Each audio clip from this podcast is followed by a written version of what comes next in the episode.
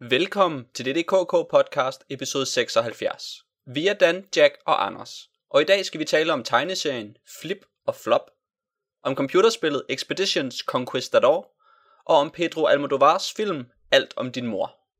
Men først, et kort citat. Kanji, gorilla, sky med lyn, udopstegn, udopstegn.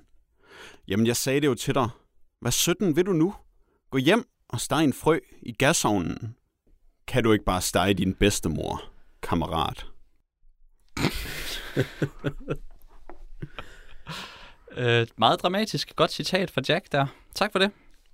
Det er, det er bestemt et hårdkogt citat. Det kommer fra to galninge, voldsomme galninge fra det fjerne syden, to berygtede galninge.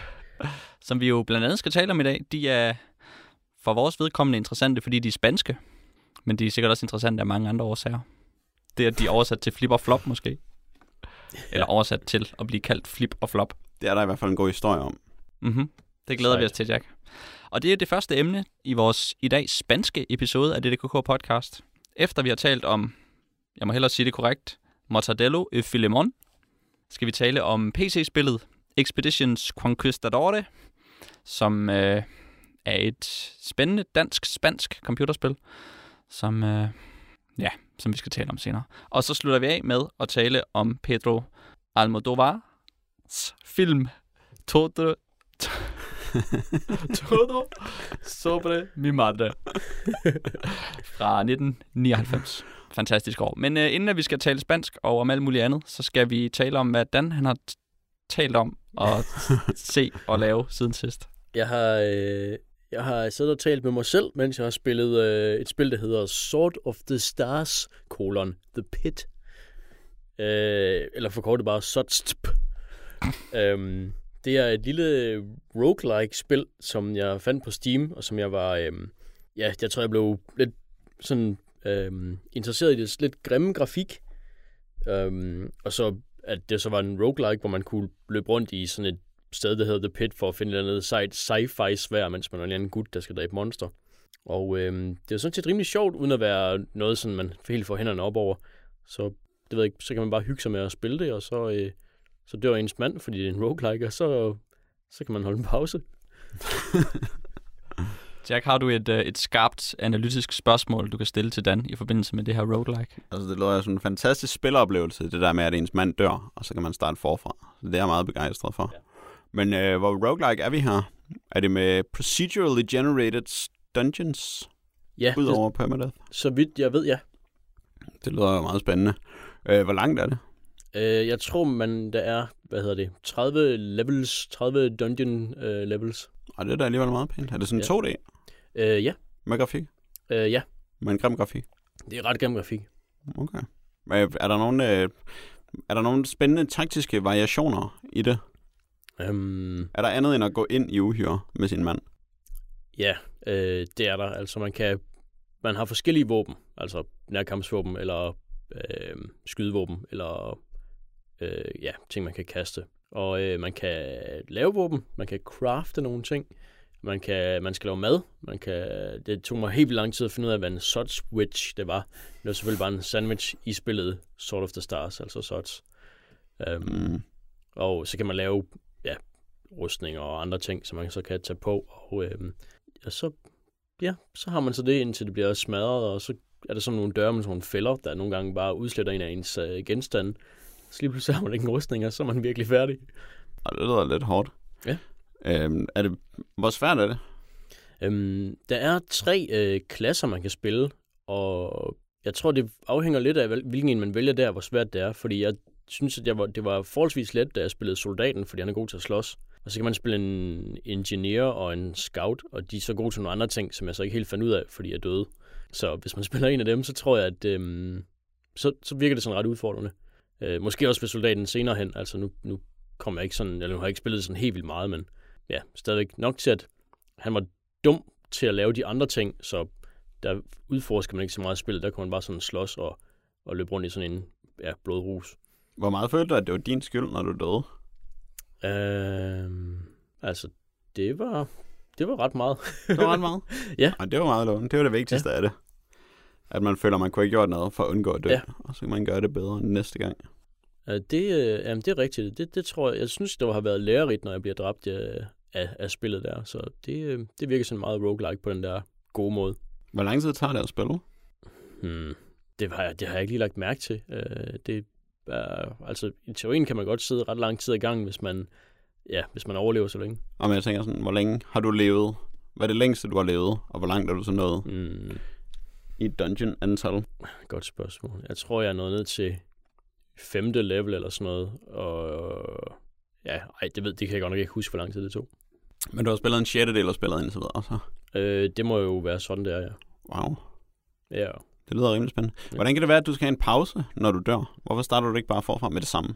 øh, altså, det har jeg også gjort nogle gange, men altså, man, man kan tage en pause, hvis man dør. Så det er ikke, fordi spillet er for irriterende. Nej, det synes jeg faktisk ikke. Jeg synes faktisk, at det er noget, man, jeg stadig har lyst til at, til at spille efter at døde. Jeg sad lige og fik en idé til uh, et fremtidigt segment i DDKK podcast, hvor vi skal lave roguelike dating med Jack. og så er der tre hemmelige roguelikes, han ikke ved, hvad, hvad er, men så må han stille dem spørgsmål. og så skal han til sidst vælge, hvad for en roguelike han vil på date med. Det lyder som en fremragende idé. Det er en fremragende idé. Ja. Ja, det må vi gøre. Ja. Jeg melder mig gerne. Godt. Du må, nu, nu må du lige melde dig til at tale om, hvad du har lavet siden sidst. Jeg har set uh, Mumblecore-film, som de hedder. Øhm, jeg var i gang med et projekt, som jeg så også nævnte i sidste afsnit, hvor jeg skulle se Pødesfilm, men så blev jeg træt af det, og så øh, skulle jeg finde noget andet at se. Og så, blev, så slog det mig pludselig, at Mumblecore, det er et super sjovt navn til en filmgenre. Og så havde jeg lyst til at vide, hvad det var mere præcist, fordi det umiddelbart lød lidt ligesom de der øh, filminstruerede skuespillere film. Men så ville jeg gerne vide det i mere detaljer, og så spurgte jeg selvfølgelig Anders igen, øh, hvad, hvad skulle man så gøre? Og så foreslog han, at jeg skulle prøve at se Duplass-brødrenes film, øh, hvor Duplass-brødrene er Mark og Jay Duplass. De har lavet en serie af Mumblecore-film og er rimelig øh, centrale for den her filmbevægelse, som er en amerikansk independent filmbevægelse, hvor jeg mener, at de første Mumblecore-film blev lavet omkring 97. Kan det passe? Det lyder meget tidligt. Okay, så er det måske lidt siden. Men jeg mener, at den første af Duplass-brødrenes film er fra 99 i hvert fald. Men jeg kan godt være, øh, jeg kan godt tage fejl, som jeg kan i alting.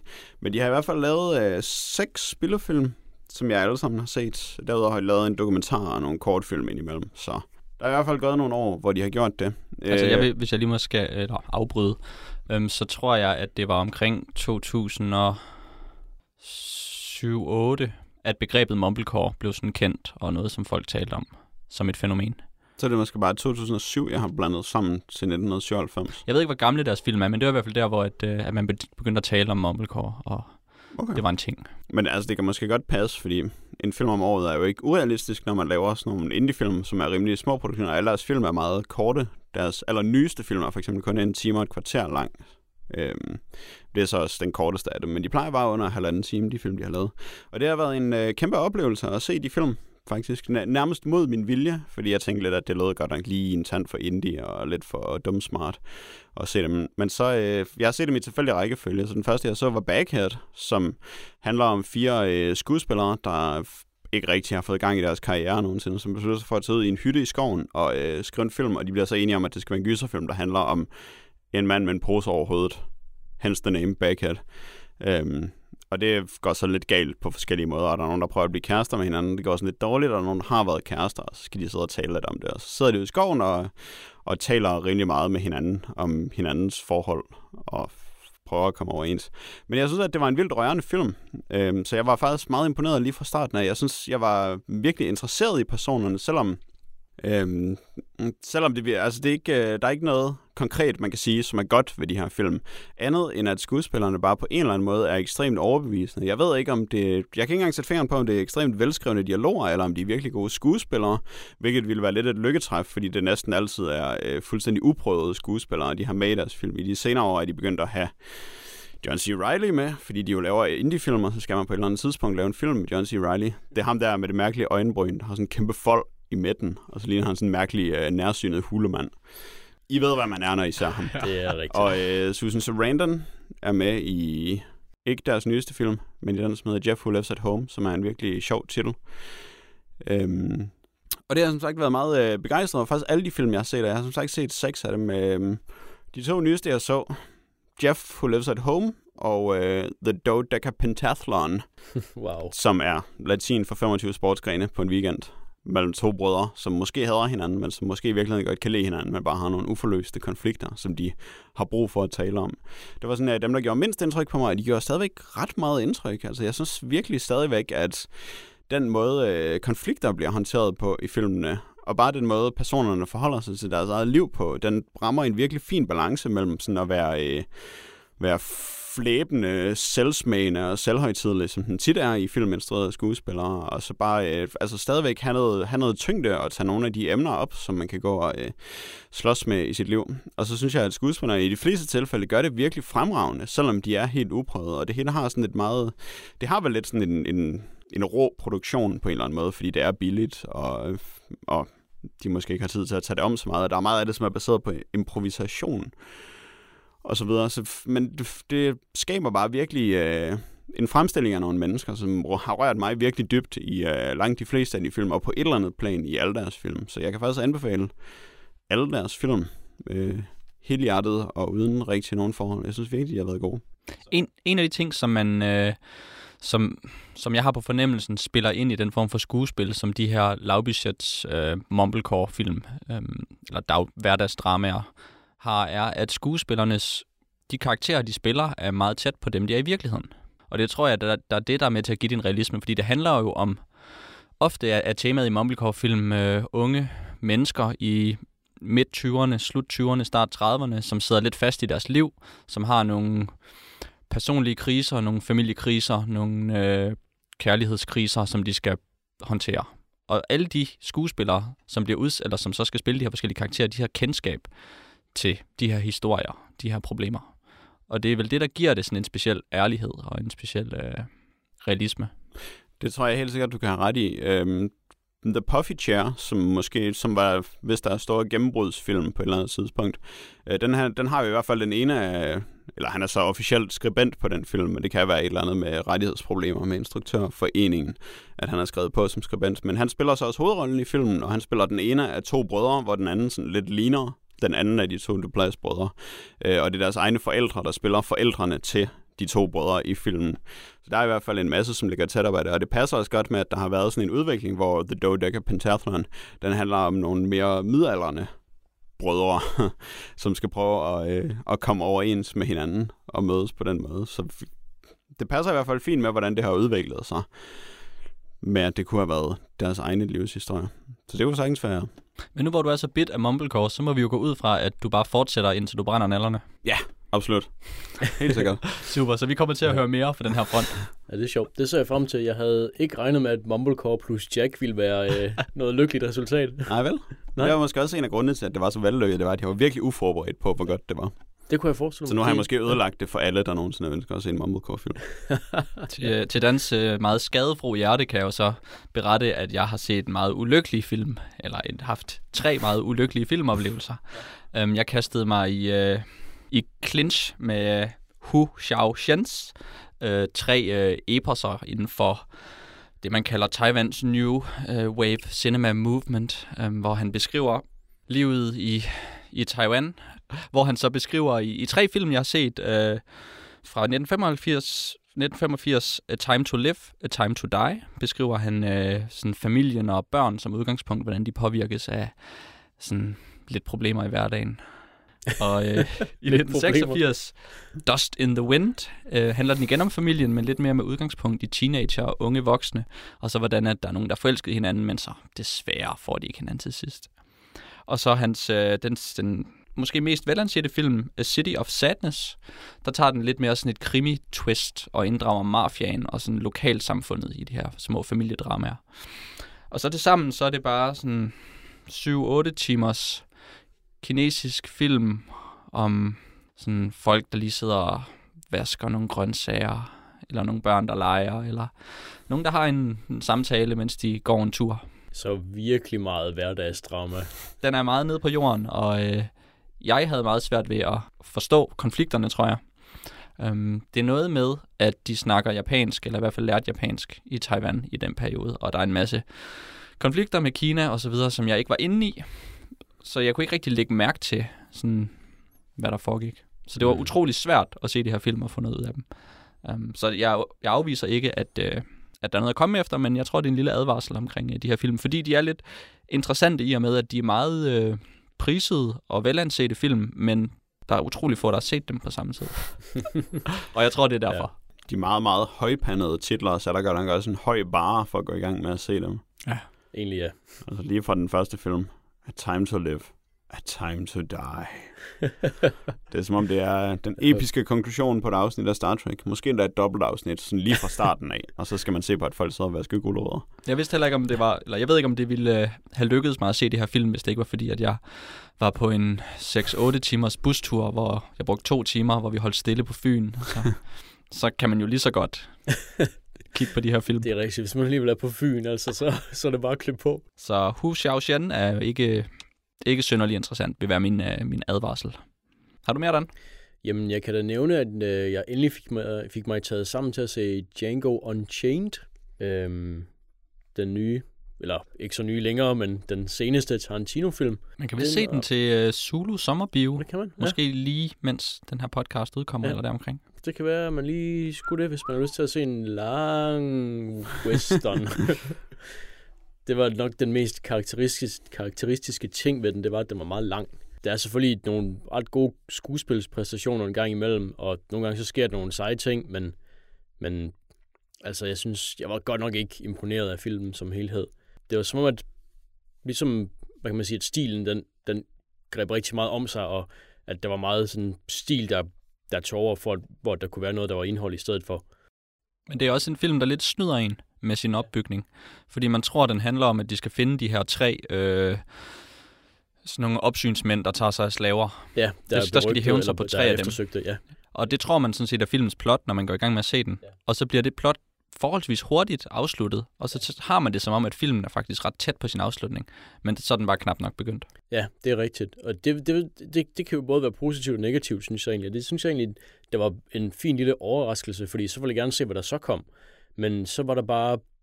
Så startede nærmest helt forfra igen, i stedet for at gå over i det næste. Så, så byggede den sådan, eller gik den helt op fra grunden i en ny historie nærmest. Og det var en, lidt en, en, en sløj periode, selvom Christoph Waltz, han altid er, er sjov og, og, og sej at se på og sådan noget. Det er ham, der spiller Ja. tyskeren. Ja, det er det nemlig. Øh, og øh, egentlig også, øh, hvad hedder han, Jamie Foxx, ham der spiller Django, der, han, jeg tror nok, han var ret sej også. Altså, han er sådan meget en mand af få ord, som en, som en gunfighter-slave måske, eller tidligere slave måske, bør være. Men øh, det, det, det var... Øh, det, det, det kunne skulle have været meget bedre. Der kunne man godt have forventet mere for den front, synes jeg. Så kan jeg jo anbefale, at du øh, hører nogle af vores forrige podcasts, hvor det bliver anbefalet, at man skal se den originale Django-film. Ja, Det Og kan så jeg godt du huske, måske prøve og at se den. Jeg kender den selvfølgelig. Men havde du ikke også set den? Jo. Så vi har alle sammen set den. Hmm. Og jeg husker ikke andet end øh, minigun til kister. Det er Men det var vildt. virkelig godt. Ja, og det, man kan også sige, at der er jo også i de originale Django-film, øh, eller den originale, der er jo også nogle, nogle altså, vilde ting, man husker derfra, som man måske lidt havde forventet, der ville komme noget, en reference til eller et eller andet i den øh, Django Unchained, men det gør der meget lidt egentlig, og, og der er selvfølgelig altså ham, der spiller Django, øh, Franco Nero, han, han er med i den lille smule, øh, og det er selvfølgelig øh, fint nok, øh, men det er ikke fordi, det tilføjer noget eller gør noget, og og det er, ikke, det er ikke fordi, der er nogle af de der vilde ting, man tænker, okay, det bliver bare vildt, når Tarantino laver det her. Så laver han bare noget andet, og det er måske også noget, men det kan måske bare være svært at se, når man, det ved jeg ikke, når man har et vist sæt forventninger til, til ham, så, øh, så laver han bare noget, der måske er lidt for, lidt for meget til højre benet for ham. Men han prøver jo at gå til grænsen med hensyn til øh, politisk korrekthed. Var det Ja. noget, du lagde mærke til? Mm, Grænsen. Ikke så meget. Øh, altså, jeg kan godt huske, da, da filmen kom ud, så øh, var der øh, igen et øh, ramaskrig omkring, at han alle i filmen siger nigger, fordi det er 1856 eller sådan noget. Og, øh, og det er jo øh, ja, altså det er jo ikke det er jo ikke fedt at bruge det ord i dag, kan man sige. Men det det øh, jeg ved ikke, det har jeg måske set for mange for mange gangsterfilm til at det kan det kan støde mig. Men jeg synes også helt klart, at det er meget, meget svært at forholde sig til den på det der ideologiske plan, fordi der også er så meget mere subtilt end lige det, at de siger nikker virkelig tit, som er problematisk og, øh, og svært at have med at gøre i forhold til at se den ideologisk. Så det tror jeg, man skal passe ret meget på med. Altså, det er fint nok, at amerikanere gør det og bruger det til at forholde sig til deres egen historie og deres eget hysteri på en eller anden måde. Ja. Men jeg synes godt nok, det var svært at se den på den måde. Men jeg synes faktisk, at den var rigtig god, da jeg så den, for jeg har også set den for relativt nylig. Øhm, men jeg har også haft den der følelse af, at Tarantino, det er bare gået stødt ned ad bakke siden Reservoir Dogs, så jeg har virkelig lave forventninger til det, og der synes jeg, at, øh, at der var den faktisk rigtig, virkelig god, virkelig langt hen ad vejen. Der var, øh, der var den der ekstra slutning, efter han bliver fanget, efter det første shootout inde i huset, hvor der er sådan en masse spilletid, hvor de løber lidt rundt i ring, og så tager de det samme shootout, som de nærmest bare fortsætter, hvor det synes jeg var virkelig fjollet, at det skulle puttes i. Men jeg synes, at, øh, at filmen, den var bare sådan virkelig, den var, øh, den var pænt spændende og pænt velspillet, og Leonardo DiCaprio er sej, som han ofte er. Og det var, det var bare et meget godt western, western brag, er det vel. Ja, altså der er der noget god spænding der rundt om middagsbordet i den scene, for eksempel, hvor et, at filmen kommer på spidsen, og altså det, det er da et godt drama, de får sat op der, synes jeg. Øhm, ja, altså jo, til en vis grad, det, det er sådan set rigtigt nok. Øh, jeg, jeg tror bare, at for eksempel, da jeg så, øh, hvad hedder den, øh, den forrige, han lavede, en en Stadig forkert. En Bastards. Bastards. Um, der er der den der scene, hvor, um, hvor Christoph Waltz han kommer ind og taler i den der hytte, hvor de har gemt uh, de der flygtninge under gulvbrædderne, som jeg var helt vild med, og helt vild. Det var bare super fedt og sådan noget, synes jeg. Um, og der synes jeg ikke rigtig, at der er noget i, i, hvad hedder det, i Django, der kommer op på siden af den. Og, um, og det havde jeg måske bare håbet eller forventet, eller, eller gejlet mig selv op til, at nu kom der bare et eller andet, hvor jeg bare sad og og fniste af fryd over, over ja, en eller flere skuespillere. Men det er også fordi, deres plan er så utrolig dårlig. Det er en sindssygt dårlig plan. altså, de vil... Kan du huske planen helt præcis? Deres, deres plan er, at de skal befri, øh, eller købe Djangos kone fri, fordi hun er slave et nyt sted, end for den gang, de var sammen. Og så for ikke at øh, vække opmærksomhed eller røbe noget, skal de ikke bare gå hen og købe konen, fordi ham, der har hende, Mr. eller Monsieur Candy, han er, øh, han er helt vildt rig og øh, han gider ikke spille tid på, at man skal købe en engelsk slave. Så derfor så skal de købe sådan en af hans, øh, en af hans Mandingo Fighters, de her slave øh, nævekæmper, og så skal man tilbyde et helt vildt sindssygt overpris af planen. Og så i, under den handel, så kan de også lige sådan, by the way, lige købe hende. Øh, det, det er planen, og det, det virker som en dum plan. De gør det utrolig kompliceret for sig selv. Ja, helt vildt. Og så er de lige pludselig helt vildt dårlige til deres egen plan. Ja, hvilket man ikke har indtryk af, at de burde være i forhold til, hvad de kan tidligere i filmen. Ja, fordi Christopher Waltz er så ekstremt kompetent ja. igennem hele filmen, ja. og så lige pludselig... Og så bliver den ekstra tynd af, at planen ligesom beror på, at øh, Jamie Foxx kone har lært at tale tysk af sådan en skør omvej, og det ved de alle sammen. Og så satser de på, at hun vil blive sat til at tale med ham tyskeren, der kommer for at købe en slave. Og det er bare... Det virker rimelig... Det virker lidt søgt at alle de tilfældigheder skal gå op i en højere... En omstændelig plan, det må man sige. Men jeg synes, i forhold til øh, Bast turds. Ja. Så, øh, så jo, den der scene, som du nævner, er mega fed, men jeg synes alt for meget af det gik alt for meget op i bare sådan at være gimmicky Tarantino-agtig, hvor den har holdt et bedre ensartet niveau og blev ved med at være sådan mere, en mere sammenhængende film hele vejen igennem, i stedet for at være en enkelt fed scene, måske lidt flere, og så ellers bare være baseret på, at man skal synes, det er mega sjovt, at Brad Pitt siger nazis. Det kan jeg måske godt se, og det er måske også noget, jeg, en konklusion, jeg kommer frem til efter et stykke tid, når den er sunket mere ind. Øhm, men der var, bare, ja, der var bare mange spørgsmål, jeg sad med efter at have set den. Øh, og ja, det er mit umiddelbare indtryk, at den ikke var så imponerende. Godt. Jack, vi har lige lidt tid, hvis du har noget mere, du vil lufte. Øhm, jamen, jeg har set den nye uh, Sherlock Holmes-serie, som bare hedder Sherlock, den fra BBC. Så nu håber jeg på, at uh, jeg må være med i internettet igen, fordi jeg egentlig har fået den set. Og jeg var egentlig, øh, jeg var ret begejstret over den, som alle andre i hele verden selvfølgelig også er. Selvom jeg synes, at den var meget, den var meget ujævn, og det er svært for mig at sige, at der var sådan en sæson, der var bedre end den anden, eller et afsnit, der var bedre end de andre, fordi de har alle sammen lidt nogle virkelig gode punkter, og nogle ikke så gode punkter, og de er tit, øh, jeg fik meget et indtryk af, at de var meget lange, fordi de var halvanden time lange hvert afsnit, og det virkede egentlig som lidt for meget. Jeg tænker, at det ville have været en bedre serie, hvis de havde nøjes med at bare lave en time ad gangen, og så måske have lavet et afsnit eller to mere i hver sæson, fordi der var sådan lidt for meget, at så kommer der for eksempel nogle action-elementer, hvor nogen bare skulle løbe rundt ude i en skov, som var kedeligt, og som ikke rigtig havde noget med historien at gøre, eller noget med personerne at gøre. Men altså, personerne er jo virkelig godt skildret, og der er bare en, øh, en næsten ubegribelig british coolness over rigtig meget af det, som der foregår, og rigtig mange af personerne i dem gør, som gør, at det bare er en fornøjelse at se det det meste af tiden. Jeg er ret enig i, at, at der er nogle problemer med seriens opbygning. Det lagde jeg i hvert fald mærke til, da jeg så det forfra. Efter at have set det en gang, så fik jeg set afsnit 1, og så var det meget mærkeligt og meget ugenkendeligt. De temaer og de ting, der bliver slået an i afsnit 1, det er som om, at de ikke hænger sammen med resten af serien faktisk. Der er en masse omkring Watson, som bliver sat på spidsen, og som bliver en masse benspænd over for historien, som bare skal overstås, for at de ligesom kan blive et etableret tv-serie-team. Og det, det får de faktisk gjort utrolig kluntet, og de får bygget nogle ting op omkring Watson, som der aldrig nogensinde bliver, bliver taget op igen. Altså, det at han halter forsvinder fuldstændig, og altså, hele hans karakter bliver bare, nu er du bare Watson, som folk forventer, du er, og ikke den her nymodens Watson, som måske har et liv. Ja, der bliver, han, bliver, ja, han bliver kørt rigtig meget i, i stilling til et eller andet, og så falder han sådan ned i Watson-rollen i de følgende afsnit. Det lader jeg også mærke til, da jeg så det første afsnit igen. Jeg var dog ikke klar over, at den gamle Watson var så meget en damernes mand, som det viser sig, at han er i den her serie. Men ja, så kunne læse mig til, at det åbenbart passer meget godt med de gamle historier. Det var godt. Så det var meget sjovt. Ja. Ellers havde de været for spanden. jeg vil tale lidt om Steven Soderbergh, men det tror jeg, jeg gemmer til næste gang, fordi nu har vi talt, øh, nu har vi talt om alt muligt andet, og vi skal jo i gang med, med det vigtige, Jack. Tager du læsebrillerne på? Fordi nu skal der læses historie. Jamen det var faktisk, altså Sherlock Holmes er faktisk den perfekte segue til det, fordi det næste emne, vi skal tale om, er jo netop baseret på Sherlock Holmes Det havde jeg aldrig gættet. Watson. Wow. Det passer. Det er nemlig Flip og Flop, som de hedder på dansk, eller Mortadelo øh, Filemon, som de hedder på, øh, På spansk.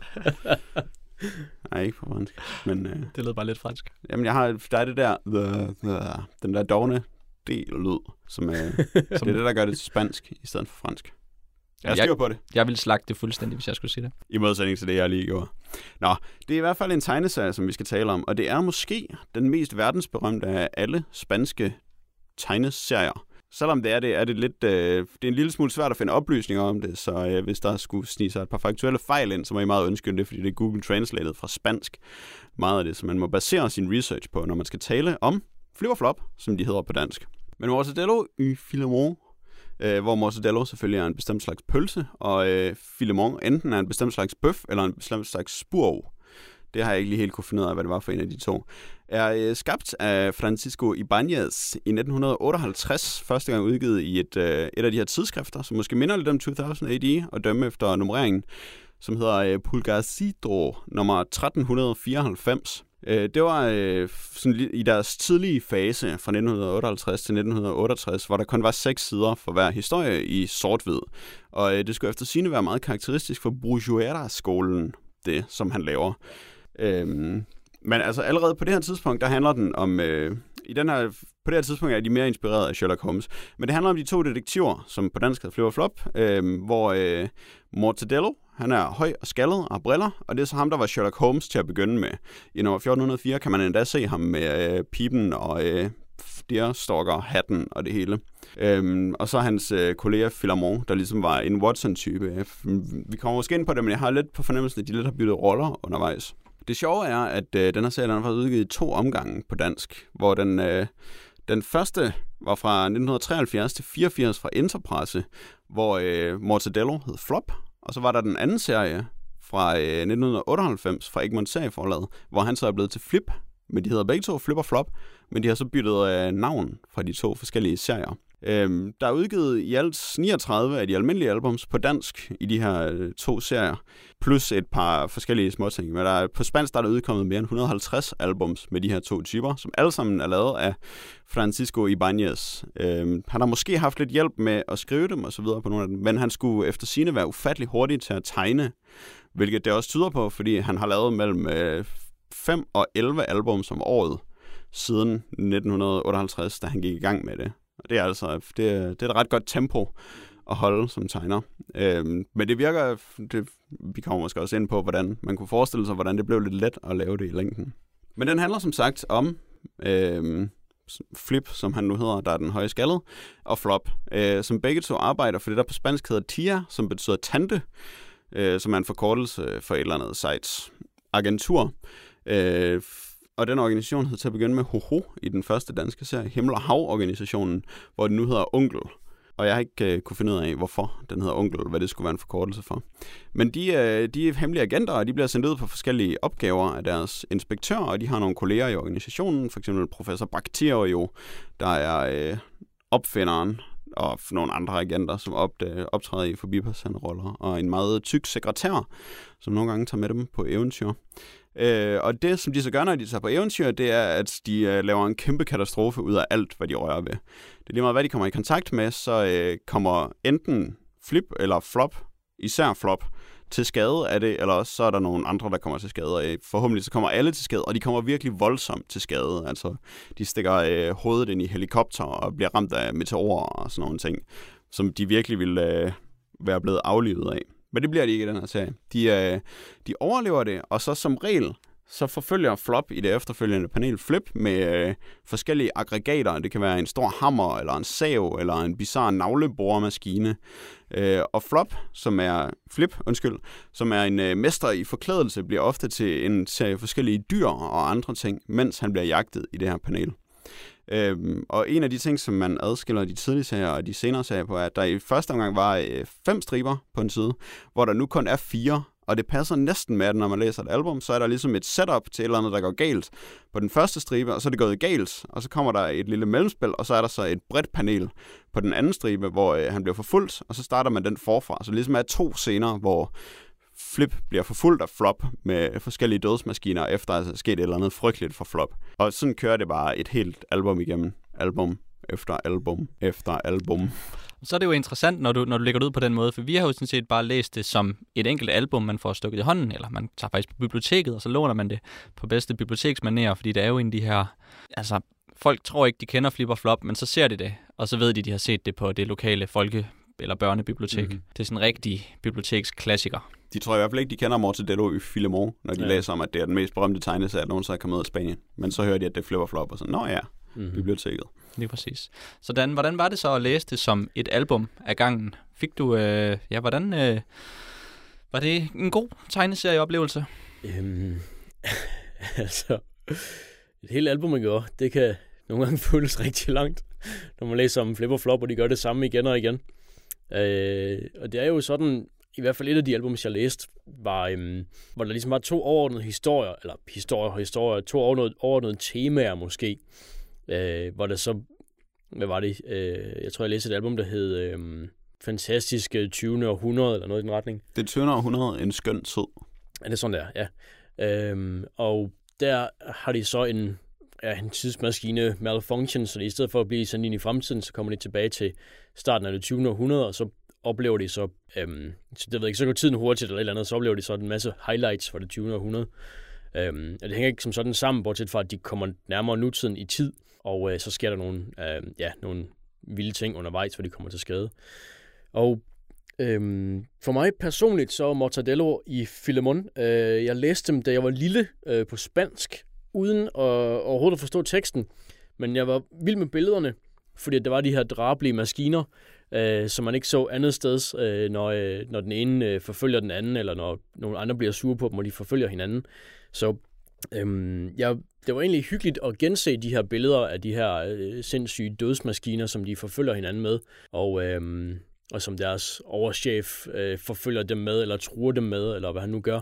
Øhm, det var meget ja, øh, ekspressivt at have de her billeder, de her vilde øh, maskiner, og have de her til skadekommende øh, mænd, øh, der, øh, ja, der mangler, jeg ved ikke hvad, altså øh, får klippet ørerne af, eller er helt fuldstændig mumie bandageret ind i bandager, eller øh, eksploderer, så deres briller sidder fast i røven på dem, eller et eller andet. Altså, der er virkelig, der sker nogle, der sker nogle vilde ting der. Vi kommer tilbage til bagdelene senere, ja, det er man lidt nødt til. Men du siger, at det ikke hænger sammen. Er ja. det, hvad mener du med det? Er det fordi, at der er nogle regler, som du ikke synes, de selv overholder?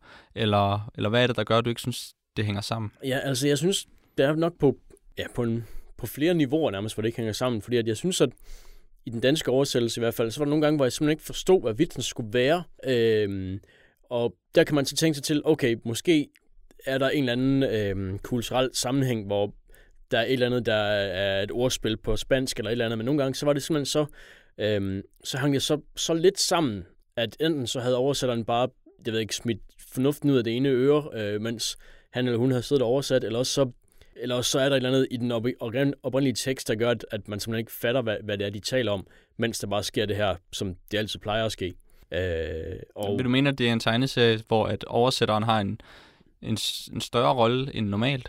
Ja, altså på en måde ikke, så tænker jeg, at det er forholdsvis simpelt. Øh, fordi at der er et setup øh, til en vits, til en situation, hvor noget går galt, og så, øh, så jagter de øh, flop for det meste. Øh, og øh, så Flip. råber han et eller andet, øh, som, som Jack han også citerede i starten, at Åh, du kan stege din bedstemor i en ovn, eller sådan noget. Øh, og, og, og det er jo, altså, jeg ved ikke, det er jo en eller anden form for fornærmelse, man sådan nærmest forstår, at der er en fornærmelse, men nogle gange så er det bare så meget mere sort, det han råber, eller siger, eller hvad han nu gør, og, og så fatter man simpelthen ikke, at det, skal jeg forstå noget større, er det en del af noget, altså er det en del af noget, der kommer efter eller før den her historie, eller er det, øhm, eller er der mere til det, end, end bare det? Øh, og de, som sagt, de springer meget, eller i hvert fald i den der 20. århundrede udgave, der springer de meget i tid også, øh, hvilket der godt kan undre dem at gøre, fordi de har en tidsmaskine, så det er jo ikke fordi, at det skal, skal passe i nogle, øhm, i nogle øhm, ja, tidsrammer på den måde. Men, men det, det er bare meget, hvad hedder det, all over the place samtidig. Så lige pludselig så er de et sted, så gør de en ting, og så har man måske svært ved at forstå, hvorfor de nu er et andet sted, og hvad der sker der. Og hvis det eneste er, at det er sådan setup til en halvdårlig vits, så tror jeg nok, jeg er sur over det, fordi så synes jeg ikke, det er godt nok. Okay, så altså den her... Øh, altså vi kan jo se på det som en form for surrealisme, eller en form for fantastiske fortællinger, hvor at Flip og Flop bevæger sig i, i tid og rum, som de har lyst, indtil de finder noget at lave en vits med, og så laver de en vits der. Øhm, og så er der sådan set ikke nogen regler i spil overhovedet. Og så tænker du, hvis man har alle de muligheder, som det giver, så bør man finde på en fantastisk god vits, for at, øh, at det lever op til, til det setup. Ja, så har det som, at så, så kunne der komme bedre vitser ud af det. Øh, det, det tror jeg bestemt. Jeg vil godt, hvis jeg lige med et øjeblik må få lov til at forsvare både øh, oversætteren og mit citat sådan set.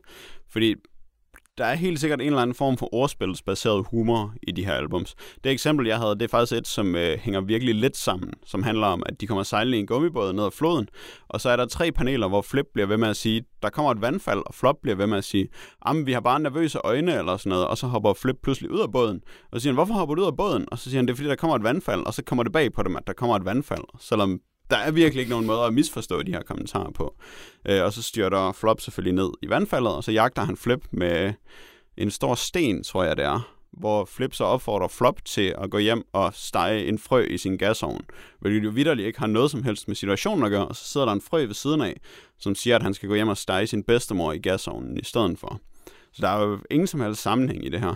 Og jeg tænker, at jeg synes egentlig generelt, at oversættelsen virker ret veloplagt, og der er, mange, øh, der er ret mange finurlige vendinger. Det er Mortadello i Filmon i øvrigt også kendt for, at de bruger en del antikverede udtryk, altså gamle ord og vendinger og sådan nogle ting, som jeg også synes går meget godt igen i oversættelserne. Men jeg, jeg tror bare virkelig ikke, at det er så meget oversætterens skyld. Altså selvfølgelig bliver han nogle gange udsat for ordspil, som det ikke rigtig kan lade sig gøre at oversætte, som for eksempel et eller andet med vandfald, som det kan være umuligt at oversætte til noget på dansk. Men jeg tror bare også, at Francisco Ibanez, han måske endda ofte bruger nogle virkelig søgte ordspil, fordi det er jo virkelig hvert andet panel, hver, anden, øh, hver fjerde panel skal på en eller anden måde være et ordspil, som har noget med den katastrofe, de kommer ud og gøre, ud for at gøre, og han har lavet 150 album, så han må også være løbet tør for ting at lave ordspil med på et eller andet tidspunkt.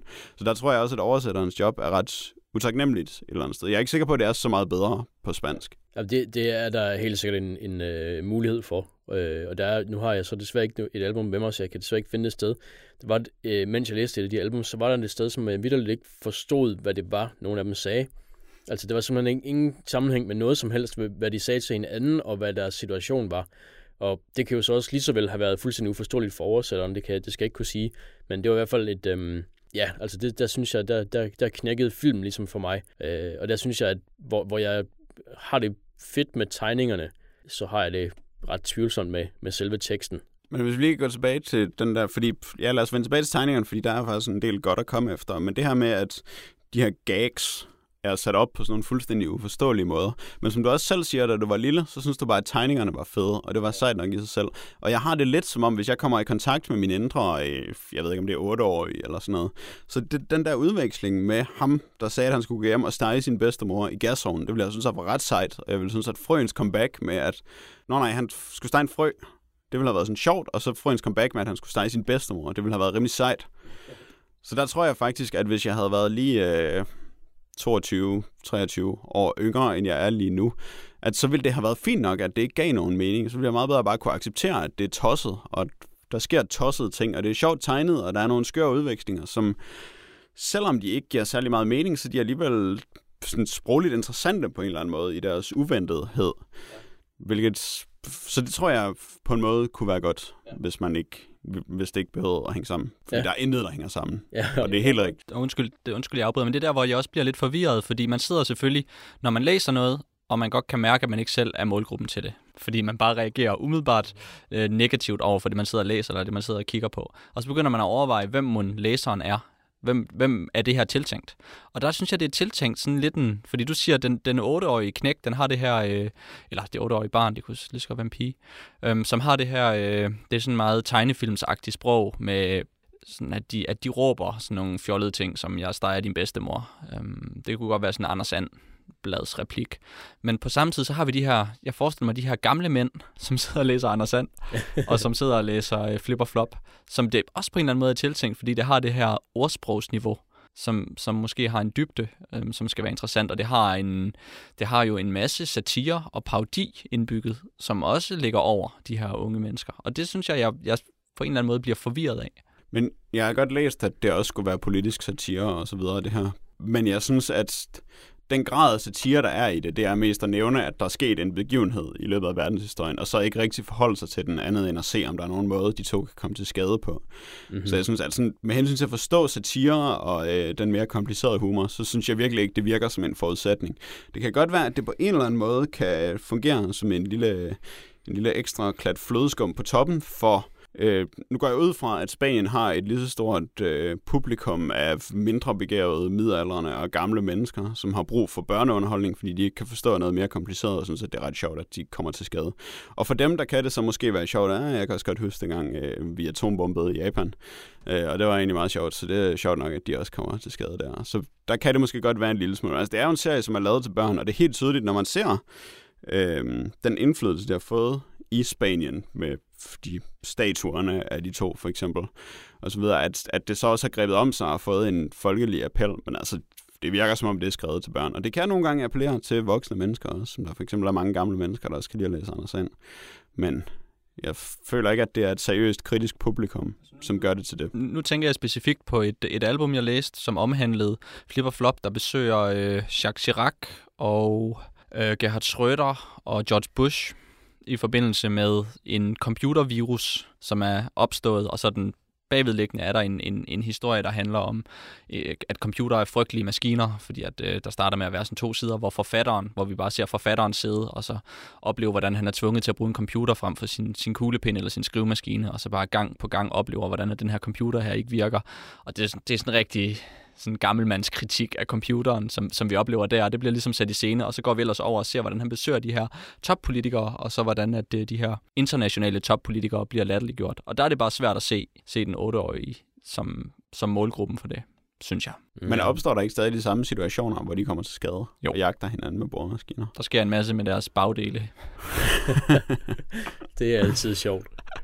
Um, jeg, jeg, jeg kan godt se, at der er måske der er noget, der der mere eller mindre er et lag øh, øh, tynd pynt, eller, eller ikke er det. Altså nu har jeg så ikke selv læst det album, du lige nævner, men øh, noget, jeg, noget, noget jeg tænker i hvert fald, noget der, der måske ville gøre min oplevelse anderledes, øh, det var hvis det ikke var et helt samlet album, men hvis man bare havde et par striber, man læste, og som man ikke regnede med, at det skulle hænge sammen, der ikke havde den her øh, overskrift, øh, så, så tror jeg måske mere, jeg vil øh, ikke prøve at lede efter den her sammenhæng og sige, der er, må være en eller anden plan, de skal fra A til B eller et eller andet. Altså så vil jeg måske føle mig lidt mere fri i at bare, haha, han steger nogens bedstemor og der, så jeg får en lidt comeback og sådan noget. Øhm, der, der, det tror jeg, der vil, der, der vil være federe for mig at læse det på den måde.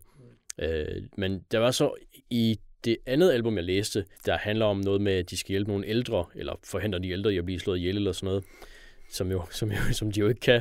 Øhm, der var der alligevel sådan en tilbagevendende gag, der egentlig, som jeg egentlig synes, der var ret sjov, det er, at de skal ud og hjælpe nogle ældre. Øh, plottet er, at de skal hjælpe nogle ældre med at øh, ikke blive skræmt ihjel af en eller anden mand, der bliver skrevet på som deres arving til testamentet, og så skræmmer dem ihjel. Og altså, der tænker man, de kan jo så bare se, hvad navnet er, og så kan de jo finde forbryderen, altså. Men det er jo selvfølgelig ikke den måde, de gør det på. De skal ligesom, det ved ikke, beskytte dem eller bevogte dem og sørge for, at de ikke bliver skræmt. Og det ender jo så med, at de kommer slemt til skade i deres hjem, fordi de er skøre opfinder eller gamle senile damer eller sådan noget. Øhm, så ender det som, at øh, Flip Flop selv øh, hospitaliserer de her øh, gamlinge, fordi de ikke kan holde til at være i selskab med dem længere. Og det, hvad hedder det, mm, for hver gamling, de besøger, øh, så, bliver, så bliver chefen sådan mere og mere sur, og der, står, der er mere og mere på spil. Øh, og så bliver hans, hvad kan man sige, hans øh, trusler over for dem værre og værre, som at først så står han måske og, mm, jeg tror han har sådan en stor økse med sådan to, altså ikke en to, ikke en dobbeltbladet økse, men en økse med sådan to, to, to blade på, sådan efter hinanden på øksen. Og så står han så ligesom og truer med den, fordi han, så vil han selvfølgelig hugge hovederne af dem. Og så øh, senere hen, så står han så og har, øh, hvad hedder det, står og bygger sådan nogle kister til dem med sådan en snedkerbænk og sådan noget. Og det synes jeg, det var ret sjovt, at det ligesom eskalerede i, hvor, hvor, øh, ja, hvor, hvor meget han vil slå dem ihjel, hvis de fejler. Så selvfølgelig så fejler de, og så bliver det så værre næste gang. Ja, fordi det er jo så det positive ved serien, det er, at der er et kæmpe visuelt overskud i den. Ja. Netop fordi altså hvert fjerde panel skal på en eller anden måde være ham, der er i gang med at forsøge, nogen der er i gang med at forsøge at slå hinanden ihjel på forskellige måder. Så det kan for eksempel i løbet af det samme album, kan det være sådan et stort håndbord, som Flop vil bore flip med, og så er der også et panel, hvor det er et håndbord med sådan en masse pigge på enden, som han kan bruger ham endnu mere med, går man så ud fra. Men sådan udover selve setupsene og øh, Flip, der selvfølgelig er en mester i forklædning, så han tit bliver til en masse forskellige dyr, hvor det så for eksempel bare hans hoved, der stikker ud af snuden på en krokodille, eller han er en æderkop med seks ben, eller et eller andet. Så er der også bare en masse detaljer i rigtig mange af panelerne. Jeg tror, at man kan se det meget tydeligt på forsiderne, hvor det tit er flip og flop, der er i gang med at komme galt afsted på en eller anden måde. Og så er der for eksempel nogle bjerggeder, der står og snakker om, at det er svært at klatre i bjerge og sådan noget i baggrunden. Men der er også bare, i hvert enkelt panel, der er der tit en masse små sjove ting. Jeg tror, mit yndlingseksempel er et, hvor de øh, kommer gående igennem deres kontor, og så er der en radiator, som der stikker en fod ud af uden nogen grund. Altså, der er tydeligvis ikke plads til et menneske, der er bare sådan en ekstra fod, der stikker ud af radiatoren. Og sådan nogle detaljer har han hele tiden, som netop gør det, som du siger, altså noget, som er virkelig sjovt at læse, selv hvis man ikke forstår et ord af, hvad der foregår. Så det synes jeg er ret imponerende, at han kan holde det niveau af, af opfindsomhed og visuelt overskud igennem 150 albums. Jamen, jeg synes også, det var, det var spændende at se de detaljer, og også øh, altså, hvor makabert de kunne trække den, den der kropslige ting Altså, der er en, en, en running gag, eller en løbende vits, hvor vi øh, altid ser øh, Flop, der skal skynde sig et sted hen, og så hiver han Flip efter sig. Og, øhm, blandt andet, så kan han have fat, så kan han have en kæmpe tang, som han så har fået fat i, i Flips tænder med, og så trækker han Flip afsted med sine tænder. Eller en, hvor han sådan har, har pegefingeren bag om ryggen, og så holder han sådan fast i, i Flips øjenhule, mens han så trækker Flip afsted i øjenhulen, fordi de skal skynde sig at nå et eller andet. Um, og som jo bare er, noget, man kan ikke lade være med lige at tænke over, hvordan det ville være at blive trykket i øjenhulen eller, eller i tænderne. Ja. Der er også noget, som bliver næsten uh, lige latrinært sagt, at man synes, det er helt forsvarligt Det, det var for numserne, som vi vil komme tilbage til. For eksempel, da han bliver sprunget i luften og har sine briller i numsen, ja. hvor de tydeligvis er stukket op i numsen på ham. Men også den, hvor... Uh, professor Bakterio, han mister sine bukser, og så kommer de med nogle nye til ham, og så har de lagt en kaktus, som han får lige i sit tissetøj, da han så tager bukserne på, og så skal han have is på sit tissetøj og sådan noget. Og det tænker jeg også, at det, det, er, der sådan, det er rimelig sjovfuldt, noget af det, i forhold til, at små børn skal læse det. I, I episoden med, øh, hvor de skal hen til Gerhard Schröder, så bliver han, øh, det handler så om, at de skal kurere den her computervirus, men de, de overførte det så også som om, at det var en, en menneskevirus på samme tid. Så måden, man kurerer den med, det er selvfølgelig ved en stikpille. Og det, der så desværre sker for Gerhard Schröder, det er, at han bliver lille bitte, og så er han lille bitte og skal have en kæmpe stor stikpille, og det gør de altså et nummer ud af. Um, den får ikke for lidt. Åh, oh, stakkels Gerhard Schröder. ja, jamen, der er også, øh, jeg husker også et eksempel, hvor, øhm, hvor øhm, de henvender de her gamlinge, en opfinder, og så øhm, er der sådan en stol, der knirker, og så Flop hjælper Flip, fordi at, så, når man, din stol skal ikke knirke, så han stiller sådan en lille pind ind under stolen. Øhm, og så spørger opfinderen så, hvor er, hvor er mit, øh, hvad hedder det, mit springsvær henne, eller sådan noget. og så ser man så det her panel, hvor Flip han bare sidder helt stille på den her stol der, så ved man så godt, hvad der, hvad der er hoppet op i mosen på ham. Altså og det, det tænker jeg også. Ja, det, det, det virker også som ubehageligt at sidde oven på sådan en springsvær. Men det er selvfølgelig også en kæmpe del af appellen, fordi det ville man synes var vildt sejt, da man var 8 ja, år gammel. Ja, der at tror jeg ikke, det jeg bare for sjovfuldt, ja. og at det hele var lidt for groft. Ja. Mm, og sige numse helt højt og fnise helt højt. Ja, netop. Så det er også ret fedt ved den, at det er ret transgressivt, det som folk bliver udsat for. Det, Men det er det. det. Det er ikke, fordi vi skal tale om det. Jeg, jeg synes bare gerne lige, at jeg, at jeg vil påpege, at jeg er lidt kritisk over for, over for den her... Øh, den her ting med at gøre børneunderholdning til, til kulturikoner, at det skaber en mærkelig øh, det, det skaber en mærkelig kultur omkring det. Øhm, en mærkelig måde at tale om det på. Øhm, man kunne forestille sig, hvis... Nu, har man, nu burde man måske ens have snart få lukket fra Anders Andbladet. Men jeg tror ikke, man tør, fordi så får man øh, politikens læsere og P1's lyttere på nakken, fordi at det ligesom er dem, som gerne vil have, at Anders Andbladet findes, fordi det er vigtig kultur. Øhm, og det, det synes jeg bare er mærkeligt, når man har de her... Det, det, det er utrygt at sidde og læse sådan en, øh, et album, som man ved, at sådan nogle gamle mænd vil forsvare til døden. Det, Jamen, det er jeg egentlig enig med dig i, at det er, det er dybt, dybt forkasteligt at ophøje det til kultur, hvor det er underholdning for børn. Øh, og egentlig også det samme med Anders Sandbladet, bortset fra, at med Anders Sandbladet, der er der nogle enkelte historier, som man kunne forsvare som værende en eller anden form for litteratur, som er gode. Men det, og det kommer så til at fungere som et forsvar for Anders Sandbladet, selvom Anders Sandbladet jo stort set aldrig nogensinde har bragt nogle af de historier, og selvom ja. det virkelig er en tynd kop urin, det meste af det, man får serveret, når man læser Anders Sandbladet. øh, og det er helt forkert netop at gøre det til en målestok for noget som helst, altså noget, som er, øh, er forsvarligt som kultur, noget, der skal stå som vores eftermæle, når vores kultur styrter i grus, og vi bare skal have tøj på, der holder resten af livet. Så er det rimelig ærgerligt, at der står sådan en statue af Flipper Flop tilbage. Som, øh, det, var, det var så højdepunktet. Det var, vi det var kongerne af verden dengang. Når vi taler om kultur, der styrter i grus, så kunne vi måske også øh, vende et blik mod civilisationer, der styrter i grus, og måske lige overveje aztekerne eller andre sydamerikanske stammefolk, som nød skidt af koloniherrene Dan. Ja, ja. Dit imperialistiske svin. ja, jamen, øh, det er jo ikke... Øh, det er jo ikke nogen hemmelighed. Jeg er skidt ud af kolonirøven. øh, og derfor... så, øh, ja, det er lidt trineret. Det kommer jo fra Flip og Flop. Nu har jeg fået til Danmark. Og nu prøver jeg at være lidt, øh, lidt mere højkulturel. Lidt mere... Øh, det er en sober podcast. det er det også. Det er det også. Øh, øh, vores status skulle gerne holde lidt længere end Flip og Flops. Så nu prøver vi at tale om øh, Expeditions Conquistador, som er et øh, computerspil fra 2013 til PC og jeg går ud fra, at man også kan spille det på Mac, hvis man er sådan en. Øhm, og det er lavet af, hvad hedder det, danske Logic Artists. Øhm, og det er øh, lidt sjovt spil, øh, i og med, at det er lavet af, af en dansk øh, udvikler, og øh, så er det blevet øh, finansieret øh, på Kickstarter i 2012, som er den her penge øh, øh, crowdfunding øh, side, hvor man kan få penge til et spil, eller til, jeg har en idé til at lave nogle fede sko, eller et, et fotosamling, der er ligesom Instagram eller sådan noget. Eller hvis vi pludselig blev grådige, og så bare ikke bare vil have penge ja. for vores podcast. Eller bare vil have penge, ja. Så kunne vi bare få penge gennem Så kunne vi nok, ja. Kickstarter. Øh, gratis penge. Ja, gratis penge. Øh, I hvert fald i et, et vist omfang. Og øh, det er, øh, det er, hvad kan man sige, et slags spil med, med nogle øh, RPG, altså nogle rollespilselementer og nogle strategielementer.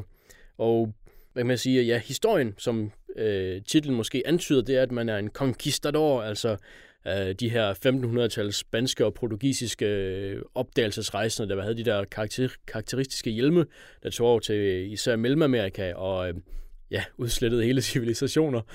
Øh, øh, intenderet eller ej, det, det, det er svært at sige, men man er en af dem.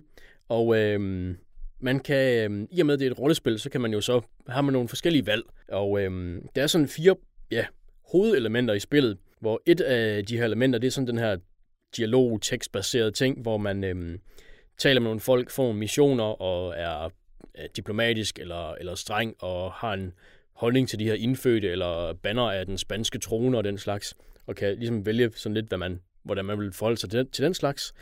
Og så er der et øhm, element, hvor man ligesom udforsker det her uudforskede område, øhm, det her øh, Mellemamerika, mellem, øh, Mellemamerika, hvor man ligesom rejser rundt til hest og opdager små, øhm, små nye steder, små øh, hvad hedder det, øh, spanske settlements og små øh, indfødte settlements og, og lignende. Så er der et, øh, et kampelement, øh, hvor man øh, spiller øh, hvad hedder det, på sådan et, øh, et øh, hexagon, øh, en hexagon øh, øh, plade øh, og spiller turbaseret kamp. Og så er der så et, øh, et element, som, hvor man, mens man udforsker, så skal man øh, ligesom ja, administrere sine mænd og sine ressourcer og sætte dem til ting. Altså, åh, nu skal du så lejr, nu skal du bestemme, hvor mange der skal holde vagt, hvor mange der skal gå ud og, og patruljere og måske finde noget spændende, og hvor mange der skal lave mad, så de ikke sulter, fordi hvis dine mænd de begynder at sulte, så ender det galt. Og øhm, ja, som sagt, man er så selv sådan en conquistador, en kaptajn, og man har sine, sin mænd med sig med en, en, en, en større baggrundshistorie bag sig, og de har nogle, øhm, nogle classes, nogle klasser, og nogle øh, skills, altså nogle evner. Og øhm, ja, hvis man er god til guarding-evnen, så er man ret god til at bevogte lejren, for eksempel. Og øh, hvis man er så ret god til hunting, ja, så kan jeg måske selv regne ud, hvad man er god til. Og så er det de her classes, øh, læge og jæger og spejder og lignende. Og de har så også nogle specielle evner, som de kan bruge i kamp. Så lægen kan selvfølgelig hele folk. Jægeren er god til at skyde med bue. Øh, og så er der en, for eksempel en spider, der ikke kan hvad hedder det, skyde med nogen, øh, der, der kun har nærkampsvåben. Øh, der er også mulighed øh, i, i, i mange af de her slags spil, så er der mulighed for at spille på sådan et, et ekstra sværhedsniveau, kan man måske kalde det, det hedder Iron Man, hvor man så øh, ikke kan gemme sig lidt tit. Og, øh, og det ved jeg ikke, hvad spillede I på? Normal. Iron Man. Selvfølgelig. Fordi det, jeg ved ikke, var det ikke sådan lidt XCOM, der introducerede det for det moderne publikum? Det er faktisk Man, allerede øh, til stede i Fallout Tactics fra 1998. Nå, okay.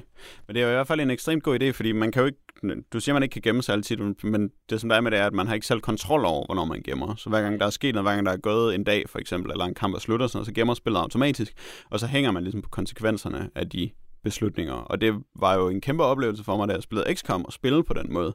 Fordi jeg så netop kom i en situation, hvor jeg virkelig bare var på spanden, og så blev jeg nødt til at kæmpe op for det, og det får en til at øh, udforske nogle helt andre dele af systemet. Så jeg var overhovedet ikke i tvivl om, at jeg skulle spille Iron Man lige med det samme, da jeg startede Expeditions Conquistador op. Men øh, nu handler det om at være en opdagelsesrejsende, det her spil. Hvordan var det så at være på opdagelse i det? Hvordan udfolder verden sig, når man øh, bliver skyllet ind på en, øh, en øde ø, og så skal man finde ud af, hvor man er og hvad man skal gøre? Det, som jeg nok først bemærkede, altså først og fremmest så er der noget, hvor man skal løbe lidt rundt i byen og tale med folk og sådan noget, som er rimelig, det er man lidt forberedt på, selvom øh, omgivelserne selvfølgelig er enormt interessante. Altså det er jo en, en, en vild sej periode og sted at sætte nogen ned til at spille et RPG og forholde sig lidt til tidens konflikter og så i det hele taget at have systemer, som var baseret på den tid.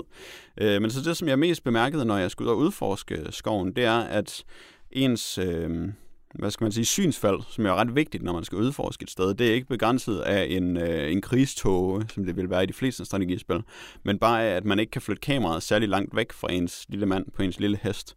Og det var utrolig frustrerende til at begynde med, selvom jeg godt kunne se ideen med, at det var sådan, man, var, man begrænsede sit udsyn, fordi det er jo det, der giver mest mening. Men det gjorde det i hvert fald øh, meget hårdt det, og så at det tog lidt tid, før jeg regnede ud, hvad man roterede kameraet. Og så er der virkelig meget jungle, som det virkelig er svært at bedømme, om man kan bevæge sig igennem på sin lille hest, eller om det er uigennembrydligt. Så det var en lille smule frustrerende at udforske Hispaniola til at begynde med.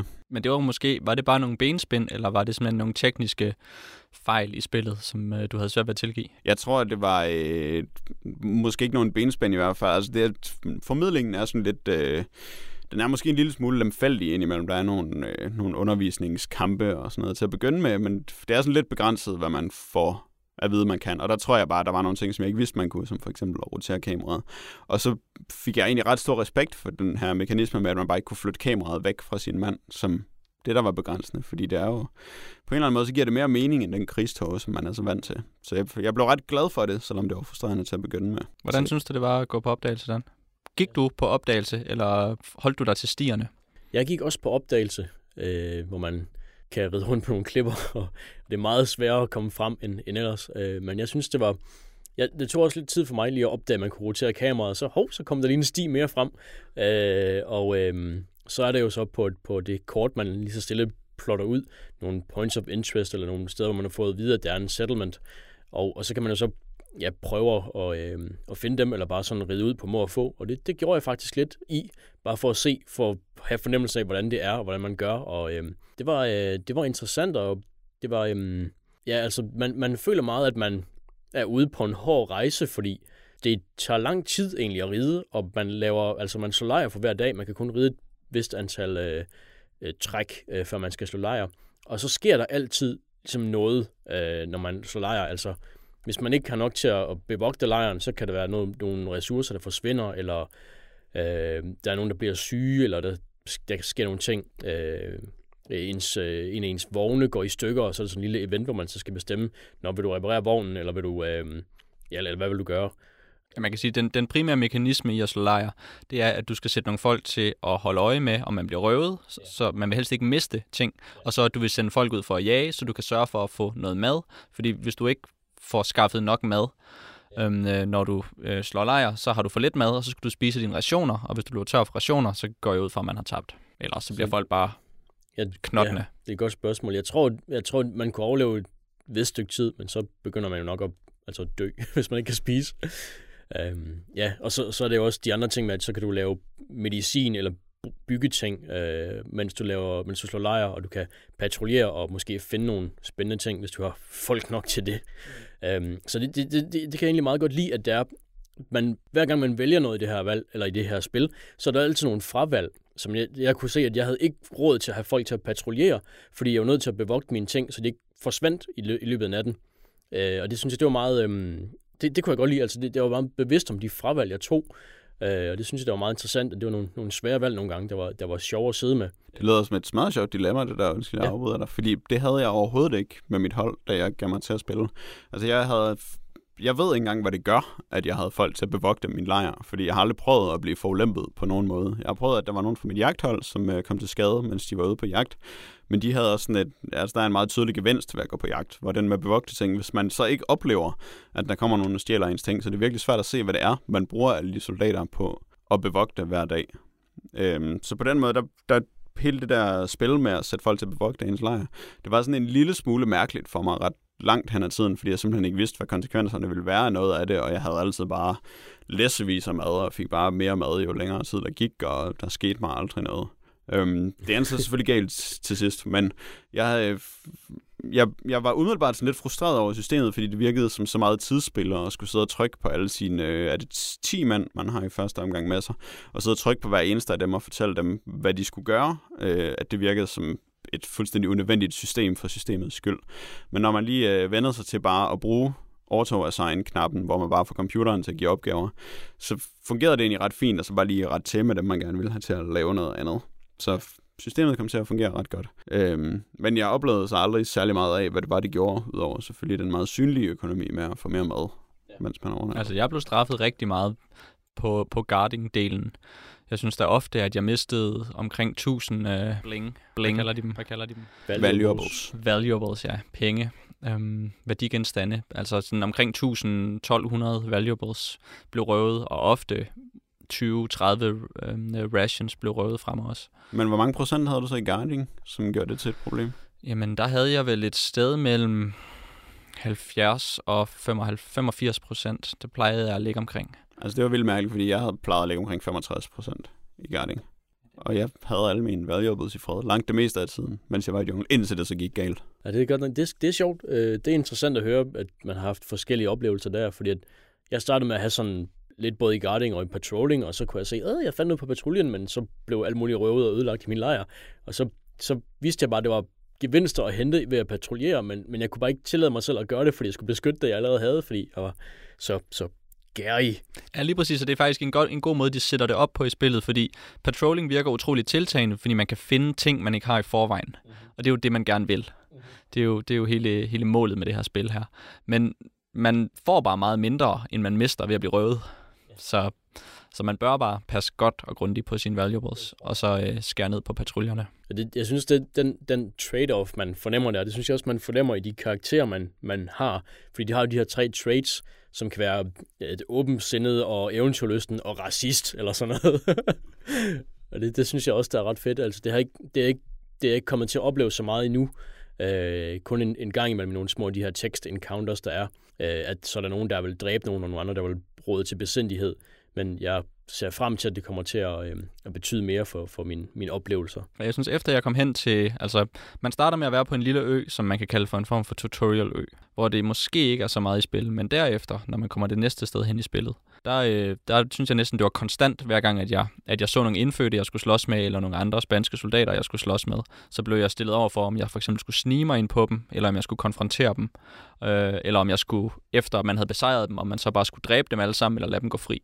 Og lige meget hvad man vælger der, så bliver det negativt, fordi der er nogen, der er mega racistiske, som, som bare gerne vil have, at alle skal dø hele tiden, og der er nogen, som er øh, utrolig godhjertet og, og ikke vil gøre sådan nogle ting, og så skaber man splid i sin, i sin lille gruppe. Um, så på en eller anden måde, så synes jeg, at, at det er rigtigt, det du siger, Dan, med, at det er fedt, at der er konsekvenser med alt. Men der er også bare konsekvenser ved alt så meget, at det bliver en lille smule relativt for mig. Jeg ved godt, at, at der er konsekvenser. Altså, det, ja, det er der hele tiden. Og så lige meget hvad jeg gør, så sker der noget godt og noget negativt. Ja. Og det bliver faktisk lidt, øh, det balancerer lidt sig selv ud. Øh, men det kan selvfølgelig være, at man kan være utrolig snedig, når man sammensætter sin gruppe af folk, og så finde en masse, der ikke er racister. Eksempelvis. Men jeg synes faktisk, det fungerede rigtig godt i forhold til, at man har det her hold af 10 soldater, som man vælger fra starten af. Og hver af soldaterne har jo en, ikke en lang beskrivelse, men der er sådan et afsnit med hver af mændenes øh, livshistorie og deres navne og så videre, men og kvindernes, fordi der, det er rimelig kønsneutralt spillet. Hvor da jeg skulle vælge min mand, der blev jeg sådan lidt, okay, nu gider jeg ikke læse flere af dem her, efter at have læst måske tre livshistorier, før jeg valgte min mand, og så valgte jeg bare dem. Men netop de her ting med, at det er så indbygget i systemet, hvordan deres personligheder er, Øh, og så det, at man sådan virkelig micromanager hver eneste af dem, med hvor meget udstyr de skal have, og hvem der skal stige level ud af den delte XP-pøl, som alle ens mænd skal stige level ud af.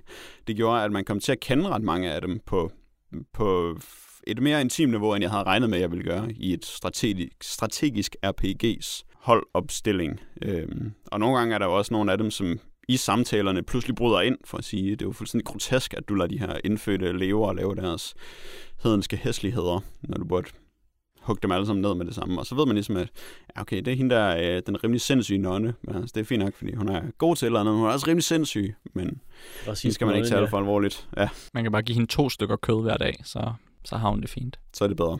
øh, så der synes jeg, at... Altså, jeg kan godt se, hvad du mener med, at det bare altid havde konsekvenser, og nogle gange så blev det et... Altså, det bliver også lidt uoverskueligt, hvad konsekvenserne af det hele bliver. Og så lige, lige meget, hvad man gør, så ved man bare, at på et eller andet tidspunkt, så bliver der et kritisk punkt med en af dem, som bliver for utilfreds eller sådan noget, og så skal man tage sig af det, og indtil da, der gør man bare lidt, hvad man har lyst til. Men jeg synes også, det var rigtig godt til at give dem personlighed hver især. Jeg var, øh, jeg var ikke klar over, at man kunne bestikke folk med ekstra kød. Øh, jo, du kan give dem masser af kød. Det, øh, så burde jeg måske være bedre til at jage for at finde ekstra kød. Det er det dobbelt mad til. Jamen, ja. jeg er ikke sikker på, altså, jeg, jeg forestiller mig, at det er lidt ligesom andre RPG'er som Baldur's Gate for eksempel, hvor der også er de her konflikter og de her, mm. øhm, hvad kan vi kalde det, alignments? Livsanskuelser. Livsanskuelser, ja. ja. Som, som er modstridende i den gruppe, man har ja. med sig, øhm, og hvor at, at, at når der så er nogen, hvis livsanskuelser ikke ikke kan indfinde sig med, hvad der foregår i gruppen, så til sidst så bliver det så surt, at de skrider. Og det er vel sådan noget, nu, nu har jeg ikke prøvet de yderste konsekvenser af det i det her spil her, men så skrider de jo bare, og så kan man sige, så er man jo bare sluppet af med nogen, som ikke passede ind i truppen, og så var det jo nok bare egentlig det, der skulle ske. Ja, det er, det er en måde at se det. Nu, nu spekulerer jeg bare, fordi jeg har ikke prøvet ja, det. Det har jeg heller ikke, altså det kunne være interessant at prøve det, øh, og det, altså, jeg tror både, jeg vil prøve at, at det ved ikke, måske bare mobbe hende ud, og se, hvad der sker, og så måske bare give hende racisten en ekstra kød, bare fordi, at, så kan hun blive og, hele mine mænd. Og det vil under alle omstændigheder være rigtig god emergent historiefortælling, hvis der var nogen, som blev mobbet ud af gruppen på den måde. Og det synes jeg egentlig, det her spil gør rigtig godt, hvor alle systemerne og eller omgivelserne og personerne og sådan noget, passer ret godt til at skabe en masse historier, som egentlig ikke er indbygget, fordi de fleste af de historier, som er skrevet ned og indført i spillet, er ret stereotype, men ja, der er bare en masse gruppedynamik, som virker enormt spændende, synes jeg. Mm. Jeg, jeg vil nu sige, at spillet giver ofte en moralske valg, og der er det min opfattelse, at man altid skal gøre det gode i spillet. Og så, så får man det bedre, så får man det lettere. Jeg har prøvet få gange bare lige at load save for at se, hvad der, hvad der skete, hvis jeg gjorde noget andet. For eksempel, hvis jeg bare stormede hovedkult ind i en kamp, ind i en kamp fordi jeg tænkte, på et eller andet tidspunkt, så må det da ikke kunne betale sig at bare snige sig tættere på og lytte, og snige sig tættere på og lytte. Altså, og så øh, prøvede jeg bare at storme hovedkult ind i en kamp, og så, så, gik, så var der bare en af mine folk, der døde, døde helt. Åh, oh, det, det er vildt. Wow. Men hun var så også taget til fange, og så skulle man måske have regnet ud, at det var risikabelt. Men alligevel. Ah, ja. Hvordan, med, øh, hvordan havde I det med, øh, med selve kampene? Hvad siger du, Jack? Fik du øh, flashbacks til andre computerspil? Eller synes du, det var noget nyt? Det, det lyder som en meget ledende spørgsmål, det der. Men umiddelbart fik jeg ikke så meget flashbacks. Altså, jeg har jo set hexagonale spilleplader før. Man kunne måske nævne Fallout, hvis man havde lyst. Men jeg synes, at øh, det, at jeg havde så forskellige brikker, det kunne faktisk godt gerne være en Fallout Tactics ting.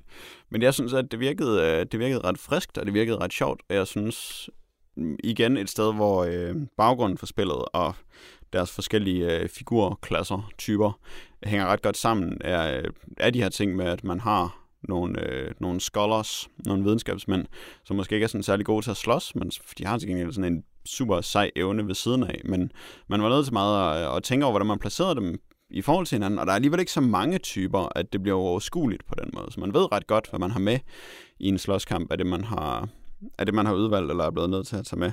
Så jeg synes faktisk, at kampene var ret sjove, og de var rigtig udfordrende det meste af tiden. Altså, jeg vil sige, det startede med at være rimelig let, og så kom der nogen, hvor man fik nogen over nakken, men alligevel sådan med ned og næppe vandt, og så blev man bare, så fik man bare med riven. Ja, jeg vil sige, at det nok var lidt for let. Jeg havde lige en periode på to kampe, som gav mig udfordringer, og hvor jeg så endte med at holde sådan en, en dags pause i spillet, fordi at jeg synes, at nu er det fandme for åndssvagt, nu er det for svært.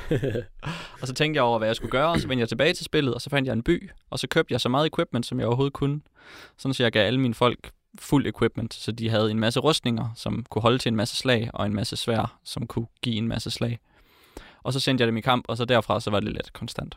Men det var også lige at vende sig til at bruge de forskellige, øh, de forskellige enheders egenskaber, som for eksempel at, at maksimere fordelene ved en scout og ved en warrior, som, eller en soldier, som er dem, jeg primært bruger i, i, i kamp. Og så kan man sådan set... Altså, så gælder det om, at man skal stille sig på begge sider af folk, og så skal man slå dem alt, hvad man kan.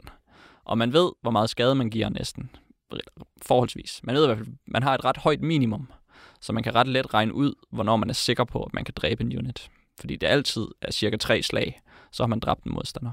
Og strategien i de her taktiske spil er jo selvfølgelig altid, at man skal dræbe en af modstanderens units, eller så mange så hurtigt som overhovedet muligt, fordi så får man ikke slag af dem igen. Og så når man bare gør det, så bliver det rimelig let. Ja, okay. Jeg, øhm, hvad hedder det? Jeg vil, jeg vil egentlig gerne spørge jer ind til, hvad hedder det, ja, hvad hedder det, øh, sværhedsgrad. Er der på et tidspunkt, hvor man vælger det? Det gør man i spillets indstillinger. Øh, og det står også, i, når du starter dit spil, så står der hvilken sværhedsgrad du er på, og så står der så, at du skal gå ind i indstillinger for at ændre det, så det er sådan en lille smule bøvlet, men Ja, okay. Jamen det, det er mine, sted, hvor man gør. mine, sådan nogle, mine, mine loading-skærme, de siger, at jeg spiller på Insane, hvor der ikke er sådan nogle chips overhovedet, så siger de bare, haha, du får ikke et chip, fordi du spiller på Insane. Det er lidt mærkeligt, fordi Ja. den starter ikke på en scene. Nej, men det ved jeg ikke, om jeg er sådan helt uforvarende at komme til at trykke på en eller anden F-knap eller et eller andet for at hæve sværhedsgraden. Øh, men i hvert fald så har jeg... Altså, så virker det ikke sådan decideret insane, når jeg slås, men det virker heller ikke særlig let. Så det har jeg måske gjort et eller andet. Øh, det skal også siges, at jeg har haft nogle, jeg havde nogle, hvad kan man sige, nogle tekniske problemer, fordi at øh, de, den ene computer, jeg spillede det på, kunne slet ikke køre det, og så den anden, jeg spillede det på, kan sådan barely køre det. Øhm, og der har jeg været nødt til at sådan tweak en masse ting, og så ved jeg ikke, om jeg så ja, uforvarende kommer til at, at hæve sværhedsgraden til insane også. Øhm, Men er det et helt vildt svært grimt spil. ja, så Tillykke, lidt. Dan. Øh, men, men jeg ved ikke, altså... Jeg, mit indtryk er, at det sådan egentlig sådan helt praktisk kræver en del computerkraft for at køre.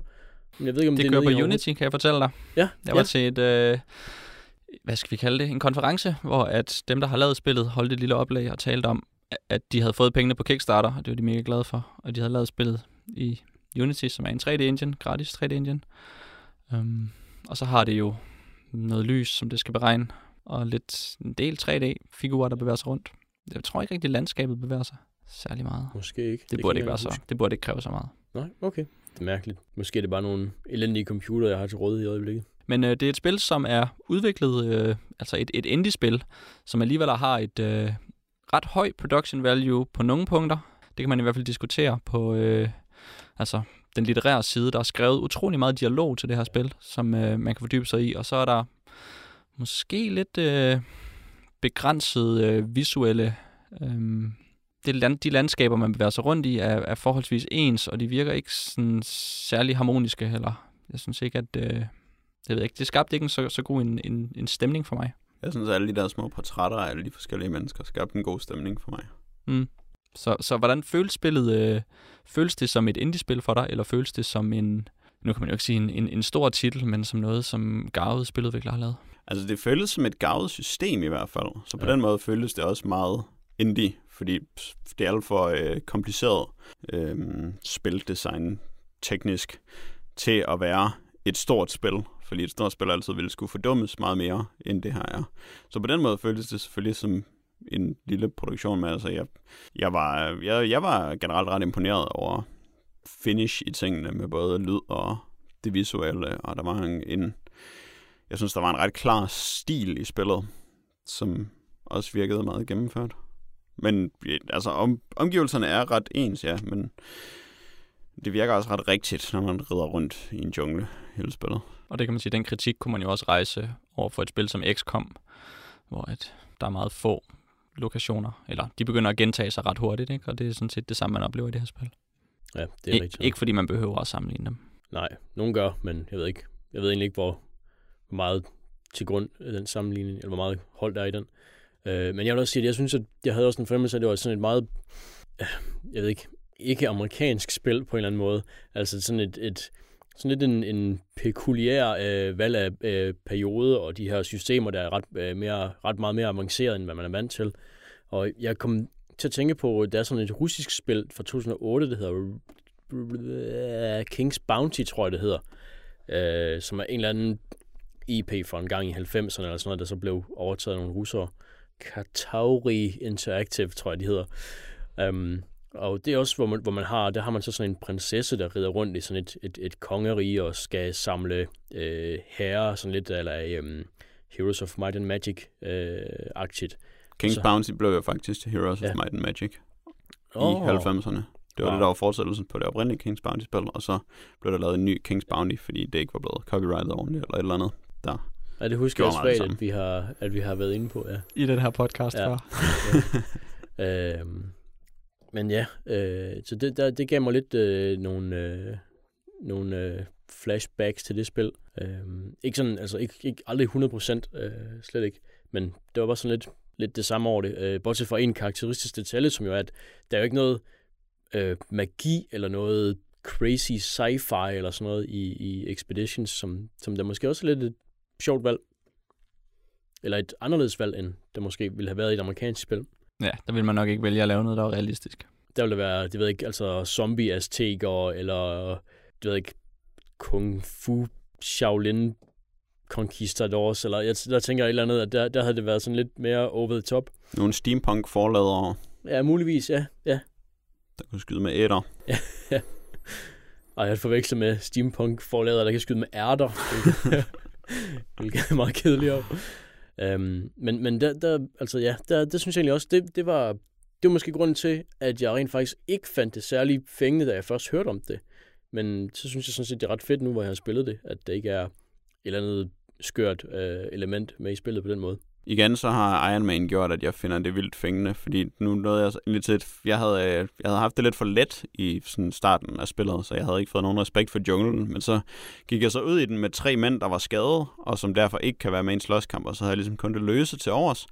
Og så blev jeg angrebet af nogle øh, spanske rebeller, som ville slås med mig, og så slås jeg med dem, og øh, tabte med nød og næppe den første kamp, men så blev de bare ved med at løbe efter mig ind i junglen, mens jeg desperat prøvede at kampere længe nok til, at øh, nogle af mine mænd kunne blive helbredt, men så løb jeg tør for medicin, og så prøvede jeg at løbe væk fra dem for at finde noget mere medicin, og det kunne jeg overhovedet ikke, og så blev de ved med bare at følge efter mig og slå mig ihjel. Og så lige da mine sidste mænd blev nedkæmpet, så øh, gik spillet ned, og duede ikke rigtig mere. Så jeg ved ikke helt, hvad der var sket der, men øh, det var altså Iron Man at work, som gjorde det ekstremt svært for mig pludselig, og måske umuligt at vinde, og så fik mig så lige at øh, tænke lidt mere over, hvordan min strategi skal være næste gang, hvor jeg måske ikke skal tage afsted med helt så øh, ballerede mænd, som jeg gjorde i den omgang. Jamen, det lyder som en god idé at, at spille med Iron Man, fordi jeg, jeg mangler lidt udfordringer, og jeg mangler lidt dybde i spillet, øhm, efter at have spillet. Jeg har spillet det forholdsvis længe, øhm, og, og har næsten maxet ud så meget. Altså, du kan kun stige i, øh, i level så mange forholdsvis få gange i spillet, fordi at du kun kan have øh, to units, som er anden højeste level, og en, som er den allerhøjeste level. Øhm, og jeg har mm, fyldt, fuldt equipment på alle mine units, og så de er næsten levelet helt op, og så er der ikke så meget mere, jeg kan gøre i den retning, øhm, udover at prøve at holde dem sammen. Men det kan selvfølgelig være, at det er det, der bliver udfordringen fremover i spillet, fordi det er jo ærgerligt, hvis man leveler en helt op, og så han bare skrider, fordi han er en racist. det er da en skam. Øh, men jeg, jeg, jeg tror også helt sikkert, at jeg vil, jeg vil anbefale alle, der har lyst til at prøve det at spille på Iron Man. At det, er, det, var, det var også noget, jeg automatisk øh, klikkede mig frem til, da jeg skulle spille det. Det er forkasteligt at spille på Iron- andet end Iron Man. Det er hæsligt, det du gør, Anders. Du er et hæsligt menneske. ja. hvad, vil, hvad, vil, hvad vil din mor gøre, Anders? Oha, min mor, eller madre, som man siger på spansk, og som Pedro Almodovar i 1999 navngav en film efter, eller i hvert fald ordet mor, eller i hvert fald som det fjerde ord i titlen på filmen, Ja. Todo sobre mi madre, eller på engelsk All About My Mother. Og det er måske en god grund til at oversætte titlen til engelsk, fordi at den er inspireret af filmtitlen All About Eve, en, øh, ja, hvad skal vi kalde det, Broadway-drama fra, fra 50'erne, så vidt jeg husker, med Betty Davis i hovedrollen. Det kan vi måske tale om senere. Det er øh, noget så øh, interessant som et komediedrama, øh, socialrealistisk eller realistisk øh, familiedrama, som handler om en kvinde, der mister sin søn, og så hvordan at øh, hun i man kan sige, i sin sorg øh, genfinder nogle gamle venner og genfinder sin, øh, sin fortid, og måske også sådan noget, jo, mest bare sin fortid, det kan vi egentlig godt sige. Udover at være inspireret af All About Eve, er den også meget inspireret af teaterdramaet Streetcar Named Desire. A Streetcar Named Desire. Det er altid det der A i starten, jeg glemmer. Omstigning til paradis. Det er præcis skrevet af. Tennessee Williams og øh, instrueret af Eli Kazan, både øh, Broadway-opsætning og også den fremragende film. Begge to med Marlon Brando, som jeg, som jeg dybt kan, kan anbefale, som øh, den, den øh, ja, altså filmen handler om meget om en teateropsætning af den her, det her drama, og så er der en masse referencer til den hele tiden, fordi at de, den væver ud og ind af det. Um, jeg ved ikke, har I øh, tidligere erfaring med instruktøren? Nu er han jo måske den mest internationalt kendte spanske filminstruktør, næsten lige så kendt som Flipper Flop-forfatteren. Ja, når der engang kommer en film, så ved vi godt, hvem der skal instruere den. Der er kommet to film med Flipper Flop. Er det rigtigt? To Ja. live action. Sidder Og en I og taler om. Flipper Flop-film lige nu. Det var lige... Uh, Vi er i gang med højkulturen herovre. du er i gang med højkulturen. Vi er stadig i gang med Flipper Flop. ja. Øh, fordi jeg tænker, øh, jeg, jeg forbinder Pedro Almodovar med, med en, en spe, specifik feature. Ved I, hvad jeg tænker på? Hvad mener du, når du siger feature? En, øh, et kendetegn ved hans film. Nå. Hvad det for et... Har I set tror, andre film med ham? Ja, det har jeg, men det er lang tid siden. Jeg kan ikke huske, hvad, hvad titlen er, fordi det er så forvansket, om man skal huske den på spansk, eller engelsk, eller dansk. Jeg tror, øh, sådan, det eneste, jeg har følt om Almodovar, det var, at øh, alle hans film var ligesom Vicky Cristina Barcelona, bare endnu mere til midaldrende kvinder, og derfor hæsligt og noget, som jeg ikke havde lyst til at beskæftige mig med. Nå, så starter vi, så, så, så, bliver det, så bliver det op ad bakke herfra. Men vi skal ikke tale om Woody Allen, vi skal tale om øh, Almodovar. Og jeg tænker på øh, brugen af farver, som øh, er meget øh, gennemsyrende af hans film. Lag I mærke til alt det røde og blå? Jeg lader mærke til en del rødt i hvert fald. Jeg lagde ikke mærke til noget af det. Jeg lagde mærke til, at øh, hendes lejlighed var rimelig fed, når man tænker på, at hun ikke havde noget arbejde. Og så havde den sådan noget sjovt tapet. Men det var sådan det, jeg mest lagde mærke til, som noget meget... Så man kan sige, production design-vinkelen på den her øh, filmsnak, den, den, den kommer vi ikke så langt med. Den er dødfødt. Hvad, hvad siger du så til øh, dramakomedien, Dan? Var det Det- et drama eller en komedie, sådan umiddelbart? Ja, jeg, jeg tænkte jo først et drama, vil jeg sige. Øh, altså, jeg, jeg kendte ikke til handlingen på forhånd, så jeg vidste ikke, at, øhm, at øh, hendes Manuelas søn ville dø.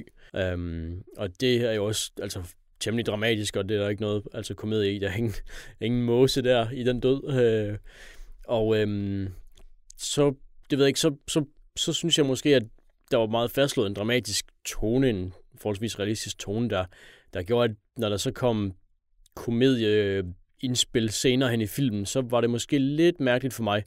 Øh, men jeg tror måske også, jeg er en af dem, der har lidt svært med sådan noget komediedrama, fordi at det, der føler jeg, at mange film sætter sig mellem to stole, når de prøver at lave det. Og det, det følte jeg også, at, at den her egentlig gjorde, når komedien skulle ind. Altså det var ikke der, den havde dens, øh, den hendes øh, styrker. Altså det var ikke i komedien. Hvad var den styrker så, Jack?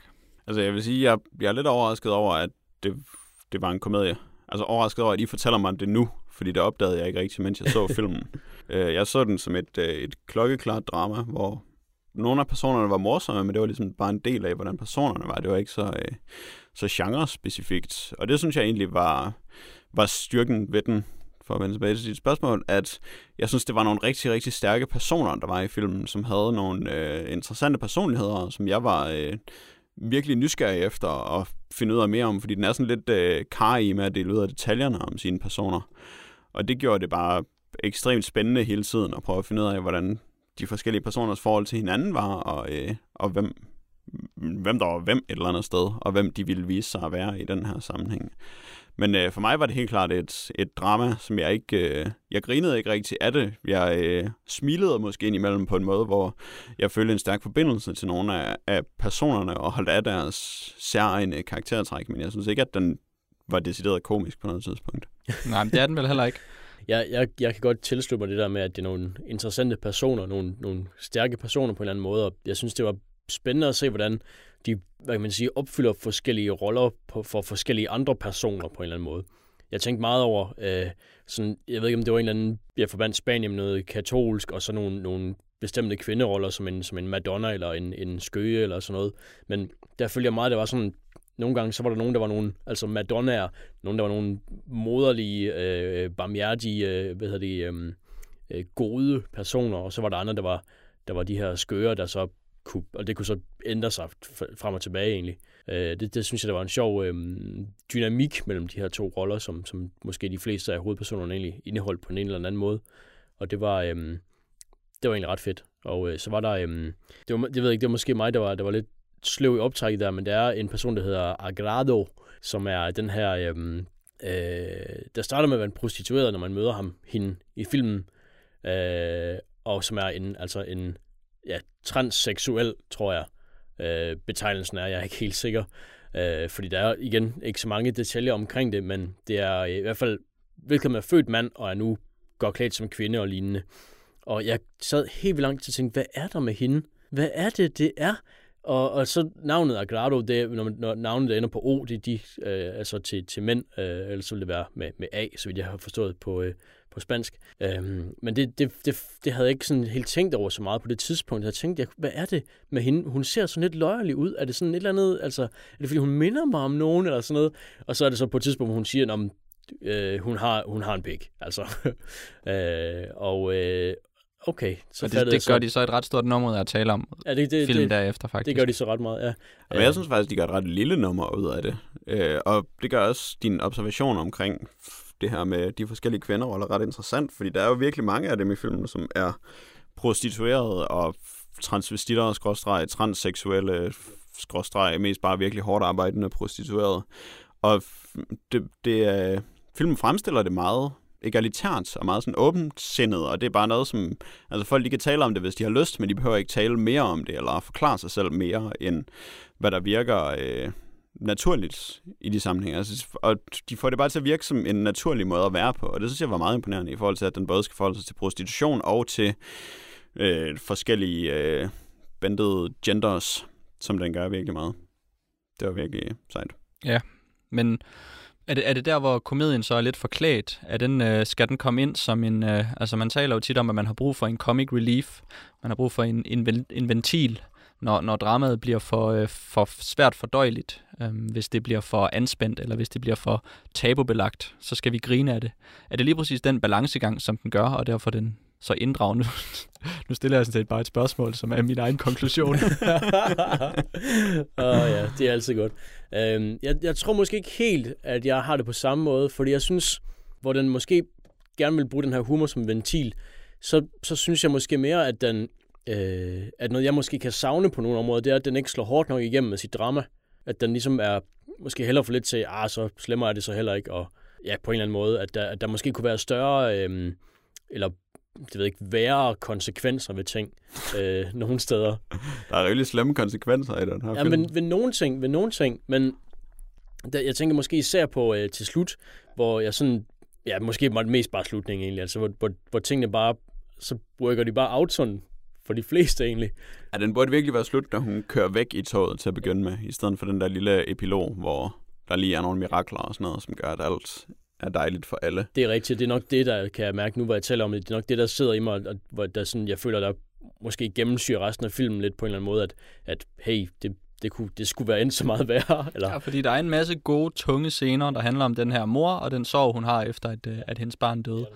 Um, og, øh, og nogle rigtig gode, sådan komplicerede scener, hvor hun virkelig bliver konfronteret med den her sorg, fordi at hun stifter et bekendtskab med en anden kvinde, som er dødelig syg, og hun kommer til at kende hendes mor, som så vil miste hende, og på samme tid er den dødelige syge kvinde gravid og vil føde et barn, som vil miste en mor, og måske er barnet også HIV-smittet og vil dø. Ja.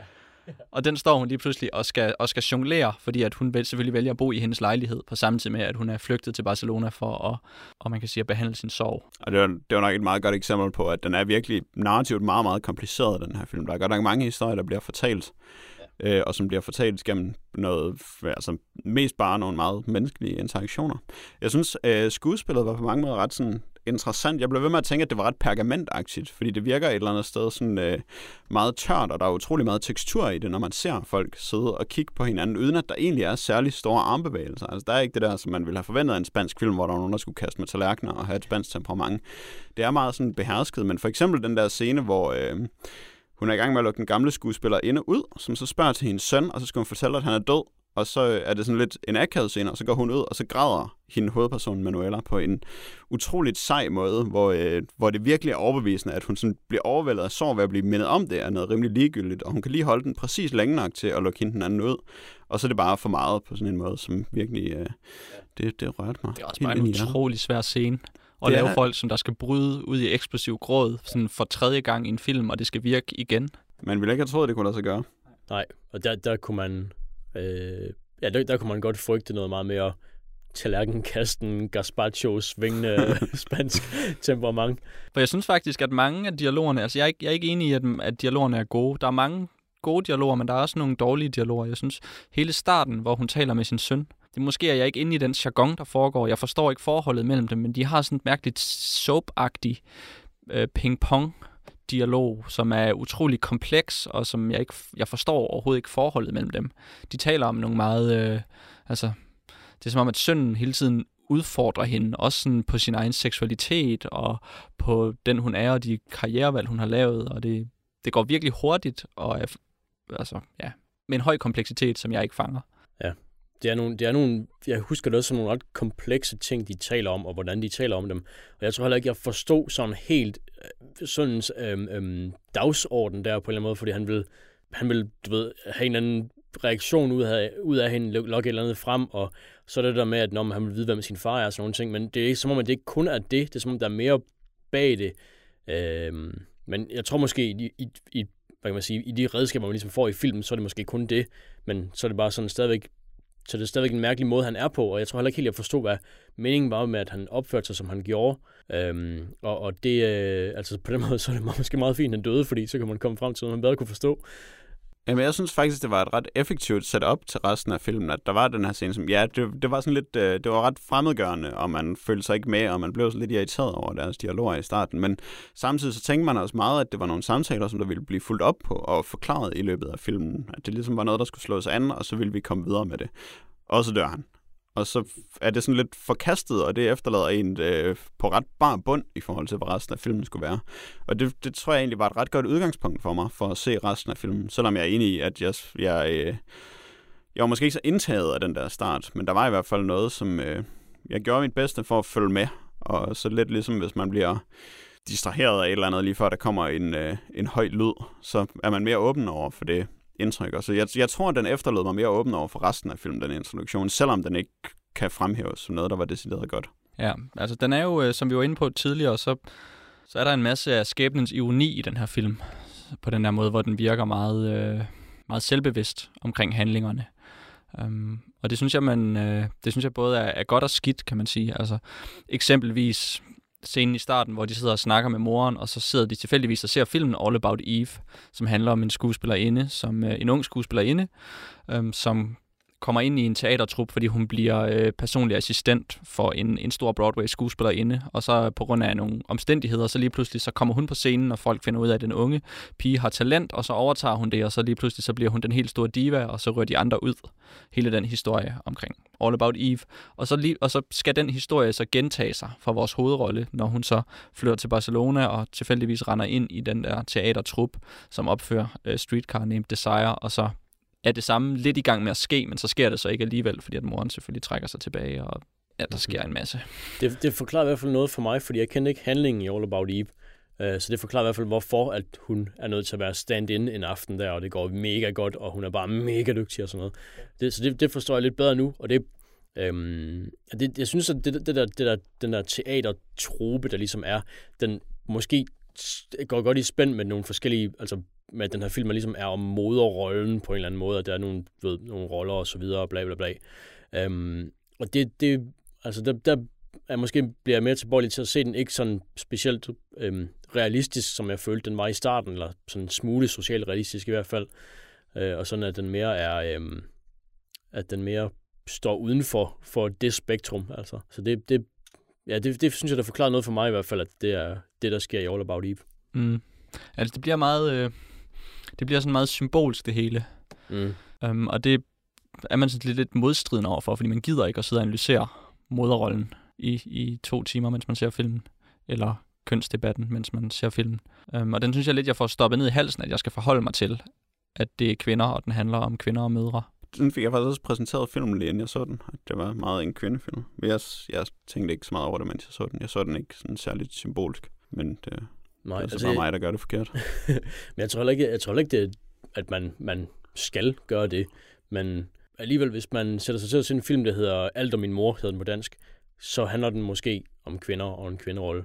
Og det, altså, det synes jeg, der er, der er fair nok med den titel. Ikke? Men Altså. det er jo et politisk, eller ikke et politisk emne, men et, øh, altså et, et, et vigtigt emne i samfundsdebatten i hele verden, ikke? at øh, altså kvinders, kvinders frihed, eller kvinders muligheder, eller de dårlige kår, som kvinder og mødre har haft igennem hundredvis af år, tusindvis af år, som man har et opgør med i den moderne civiliserede verden.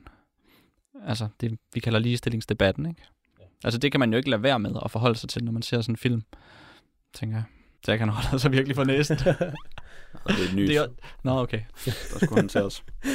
øhm, Det var ikke af din øh, mening, jeg holdt mig for næsen. Nej, okay. Men jeg synes... Jamen, det er rigtigt. Selvfølgelig forholder man sig til, dig, til det i et eller andet omfang, også fordi der netop er den der prostitutions- og kønsskifte debat, øh, hvor kønnene bliver meget flydende. At det giver et... Altså det, men det er også... Altså, den ramte meget godt mine personlige holdninger i forhold til det, og derfor var det måske så let bare at, at nyde, at den tog det så elegant og afslappet, som den gjorde. Jeg synes ikke, der var særlig meget af det, hvor jeg virkelig fik stoppet en eller anden pointe ned i halsen, som var, øh, som var alt for åbenlys og alt for irriterende. Altså, det var ikke en, øh, det var ikke en klorfingersang på den måde. Heldigvis. det er godt Det sagt. er godt at have en målestok, målestok for sådan nogle ting. Og så synes jeg, det du siger om, at den går lidt ud over socialrealisme på en eller anden måde, det synes jeg egentlig passer ret... Altså, det, det er meget rigtigt, at øh, den, den... Jeg ved ikke, om man kan sige, at den arbejder sig op på et mytisk plan, men i hvert fald sådan lidt, lidt ud over det, og der bliver nogle samspil. Og jeg synes, at øh, noget, som jeg var meget, meget imponeret over, det var, da... Er det Lola, hun hedder? Ja. Øh, endelig dukker op, som hele filmen jo har handlet om. Øh, uden at man sådan rigtig ved det, men det har hele tiden bare sådan handlet om hende. Og så dukker hun op til sidst. Og jeg synes virkelig, at hun var blevet øh, bygget op som en person, der gjorde et kæmpestort indtryk på mig, nærmest så snart hun byggede op. Altså, der var bare en virkelig... Øh, der var noget meget storslået og noget virkelig knusende ensomt over hende, som gjorde, at, øh, at det var der, mine øjne de så gav sig til at løbe lidt i vand. Det var nærmest så snart, hun dukkede op, og, øh, og de mødte hinanden. Altså, det var... Øh, der, der gik det ud over det sociale og realistiske. Mm. i hvert Der fald. var også et rigtig godt filmtræk, for hvis man lægger mærke til filmens forløb og den lange midte, den har, så foregår rigtig meget indenfor, og du føler dig utrolig lukket, og det er lige før, at du nogle gange kan se loftet på det rum, det er i, som man jo prøver at, at holde sig fra, fordi at det ikke skal virke for klaustrofobisk. Men den får virkelig den her øh, teaterkulisse fornemmelse, fordi vi er så meget indenfor. Og så kommer der lige pludselig en scene, hvor at det, det, det helt store klimaks skal opstå, og så står vi faktisk udenfor. Og de har ikke pang øh, kostymer på, de har normalt sort tøj på, og vi kan se nogle organiske, normale træer, der står i normale farver, og der er måske nogle brune sten. Og så dukker der så den her manga-karakter op, som Lola næsten repræsenterer for mig, fordi der er en, en cowboy bebop transvestit, som virkelig bare minder om hende. Men det, det er noget helt andet. Øhm, Det var min egen, min egen fortolkning af situationen. Ja. Og så Øhm. kommer hun endda ned af en trappe og bliver filmet nedefra op ad den her trappe hele tiden op mod den åbne himmel. Det kan jeg godt se. Ja, det er, ja.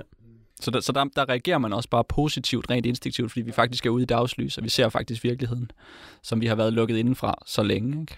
Der fik de mig. Det må jeg indrømme. det kan jeg godt se. Der fik det der, ja.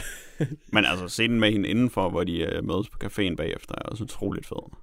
Men altså, jeg må jo pur indrømme, at jeg har virkelig fejlvurderet Almodovar. Jeg var meget, meget imponeret over alt det her om min mor. Hvad, hvad havde du tidligere set af ham? Ikke noget jo. Jeg Nå. tænkte bare, at det ville være ligesom Vicky Christina Barcelona. Bare Ja. sådan mere til midalderne kvinder.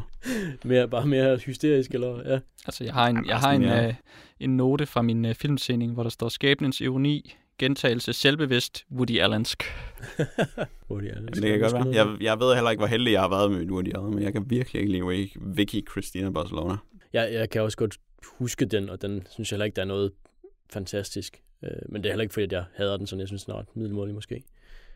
Øh, I forhold til, hvor meget andet Woody Allen er ret godt, synes jeg. Eller i forhold til, hvor godt Pedro Almodovar. Almodovar. Ja. ja der, der. Um, men hvad hedder det? Hvad er det, du siger, Anders, at han ellers har lavet, som man bør kende? Volvere. Den er god. Ah, er det også... Øh, øh, Det er med Penelope Cruz Ja. i hovedrollen, øh, og så virkelig rigtig mange farver. Ja.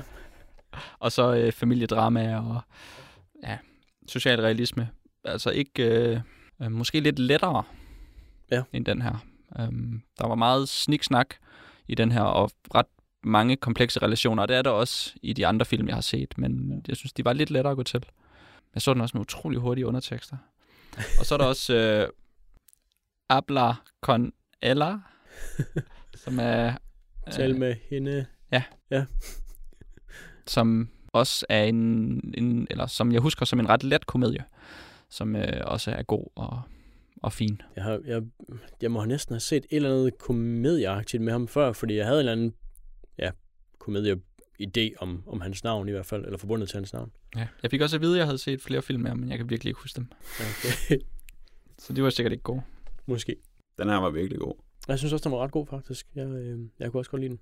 Jeg kunne ikke så godt lide den. Men jeg var virkelig sådan i tvivl på den der måde, hvor jeg- det føltes ikke sådan så godt i kroppen, men det var også interessant. Ja, sådan går det. Men det, der føles godt i kroppen, det er post. Det gør det. Puha, det føles godt. Det føles godt i kroppen. Bedre end... Nej, okay. Der var jeg lige ved at gå af Ibanez vej. ah, ja, ja. Jeg har noget post klar.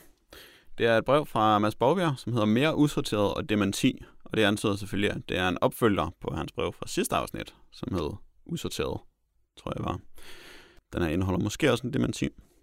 Han skriver, Hej DDKK podcast. Jeg hørte med fornøjelse jeres podcast nummer 75.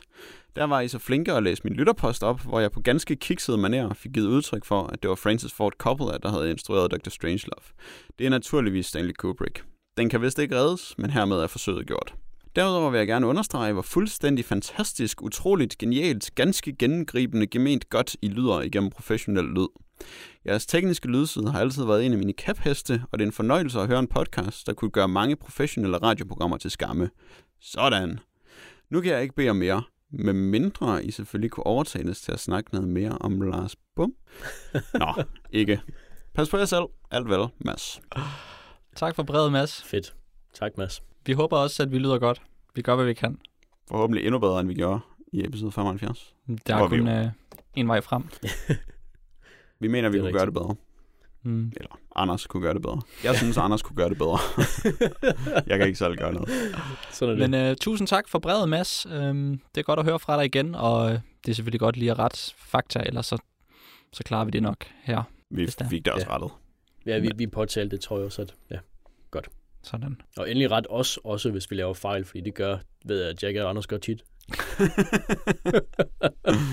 Og vil man gøre det, så skal man skrive en lille e-mail ind til post-ddkkpodcast.dk og så kan man jo eventuelt, øh, som Dan opfordrer til, øh, skrive lidt, øh, lidt rettelser af, af faktuelle fejl. Eller hvis man øh, sidder og tænker, det her spanske tema her, det kunne da godt lige krydres med lidt... Øh, er der noget spansk krydderi? Salt. Salt! Noget af rød paprika. Røget paprika. Øhm, eller et eller andet andet, som man synes, vi har overset i det her spanske tema, så vil vi da gerne lige have et præg omkring, hvad kunne også have indgået. Det kunne være spændende at høre. Det var alt, hvad vi havde for denne episode.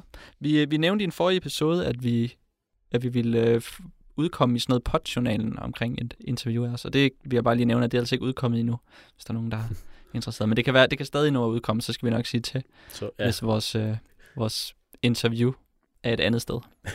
bliv ved med at holde vejret i spænding. Så kan I høre om, at vi taler om, at vi taler. Jeg vil faktisk, måske, nej, nu skal man passe på, hvad man siger. Det er også, det er også godt, men jeg vil selvfølgelig anbefale, at man bare lytter til vores andre episoder i stedet for. Ja. Nej, det vil jeg ikke anbefale. Man skal gøre lige, hvad man har lyst til. Det er i dag onsdag den 17. juli, og det betyder selvfølgelig, at vi er tilbage igen om 14 dage, onsdag den 31. juli. Farvel og tak.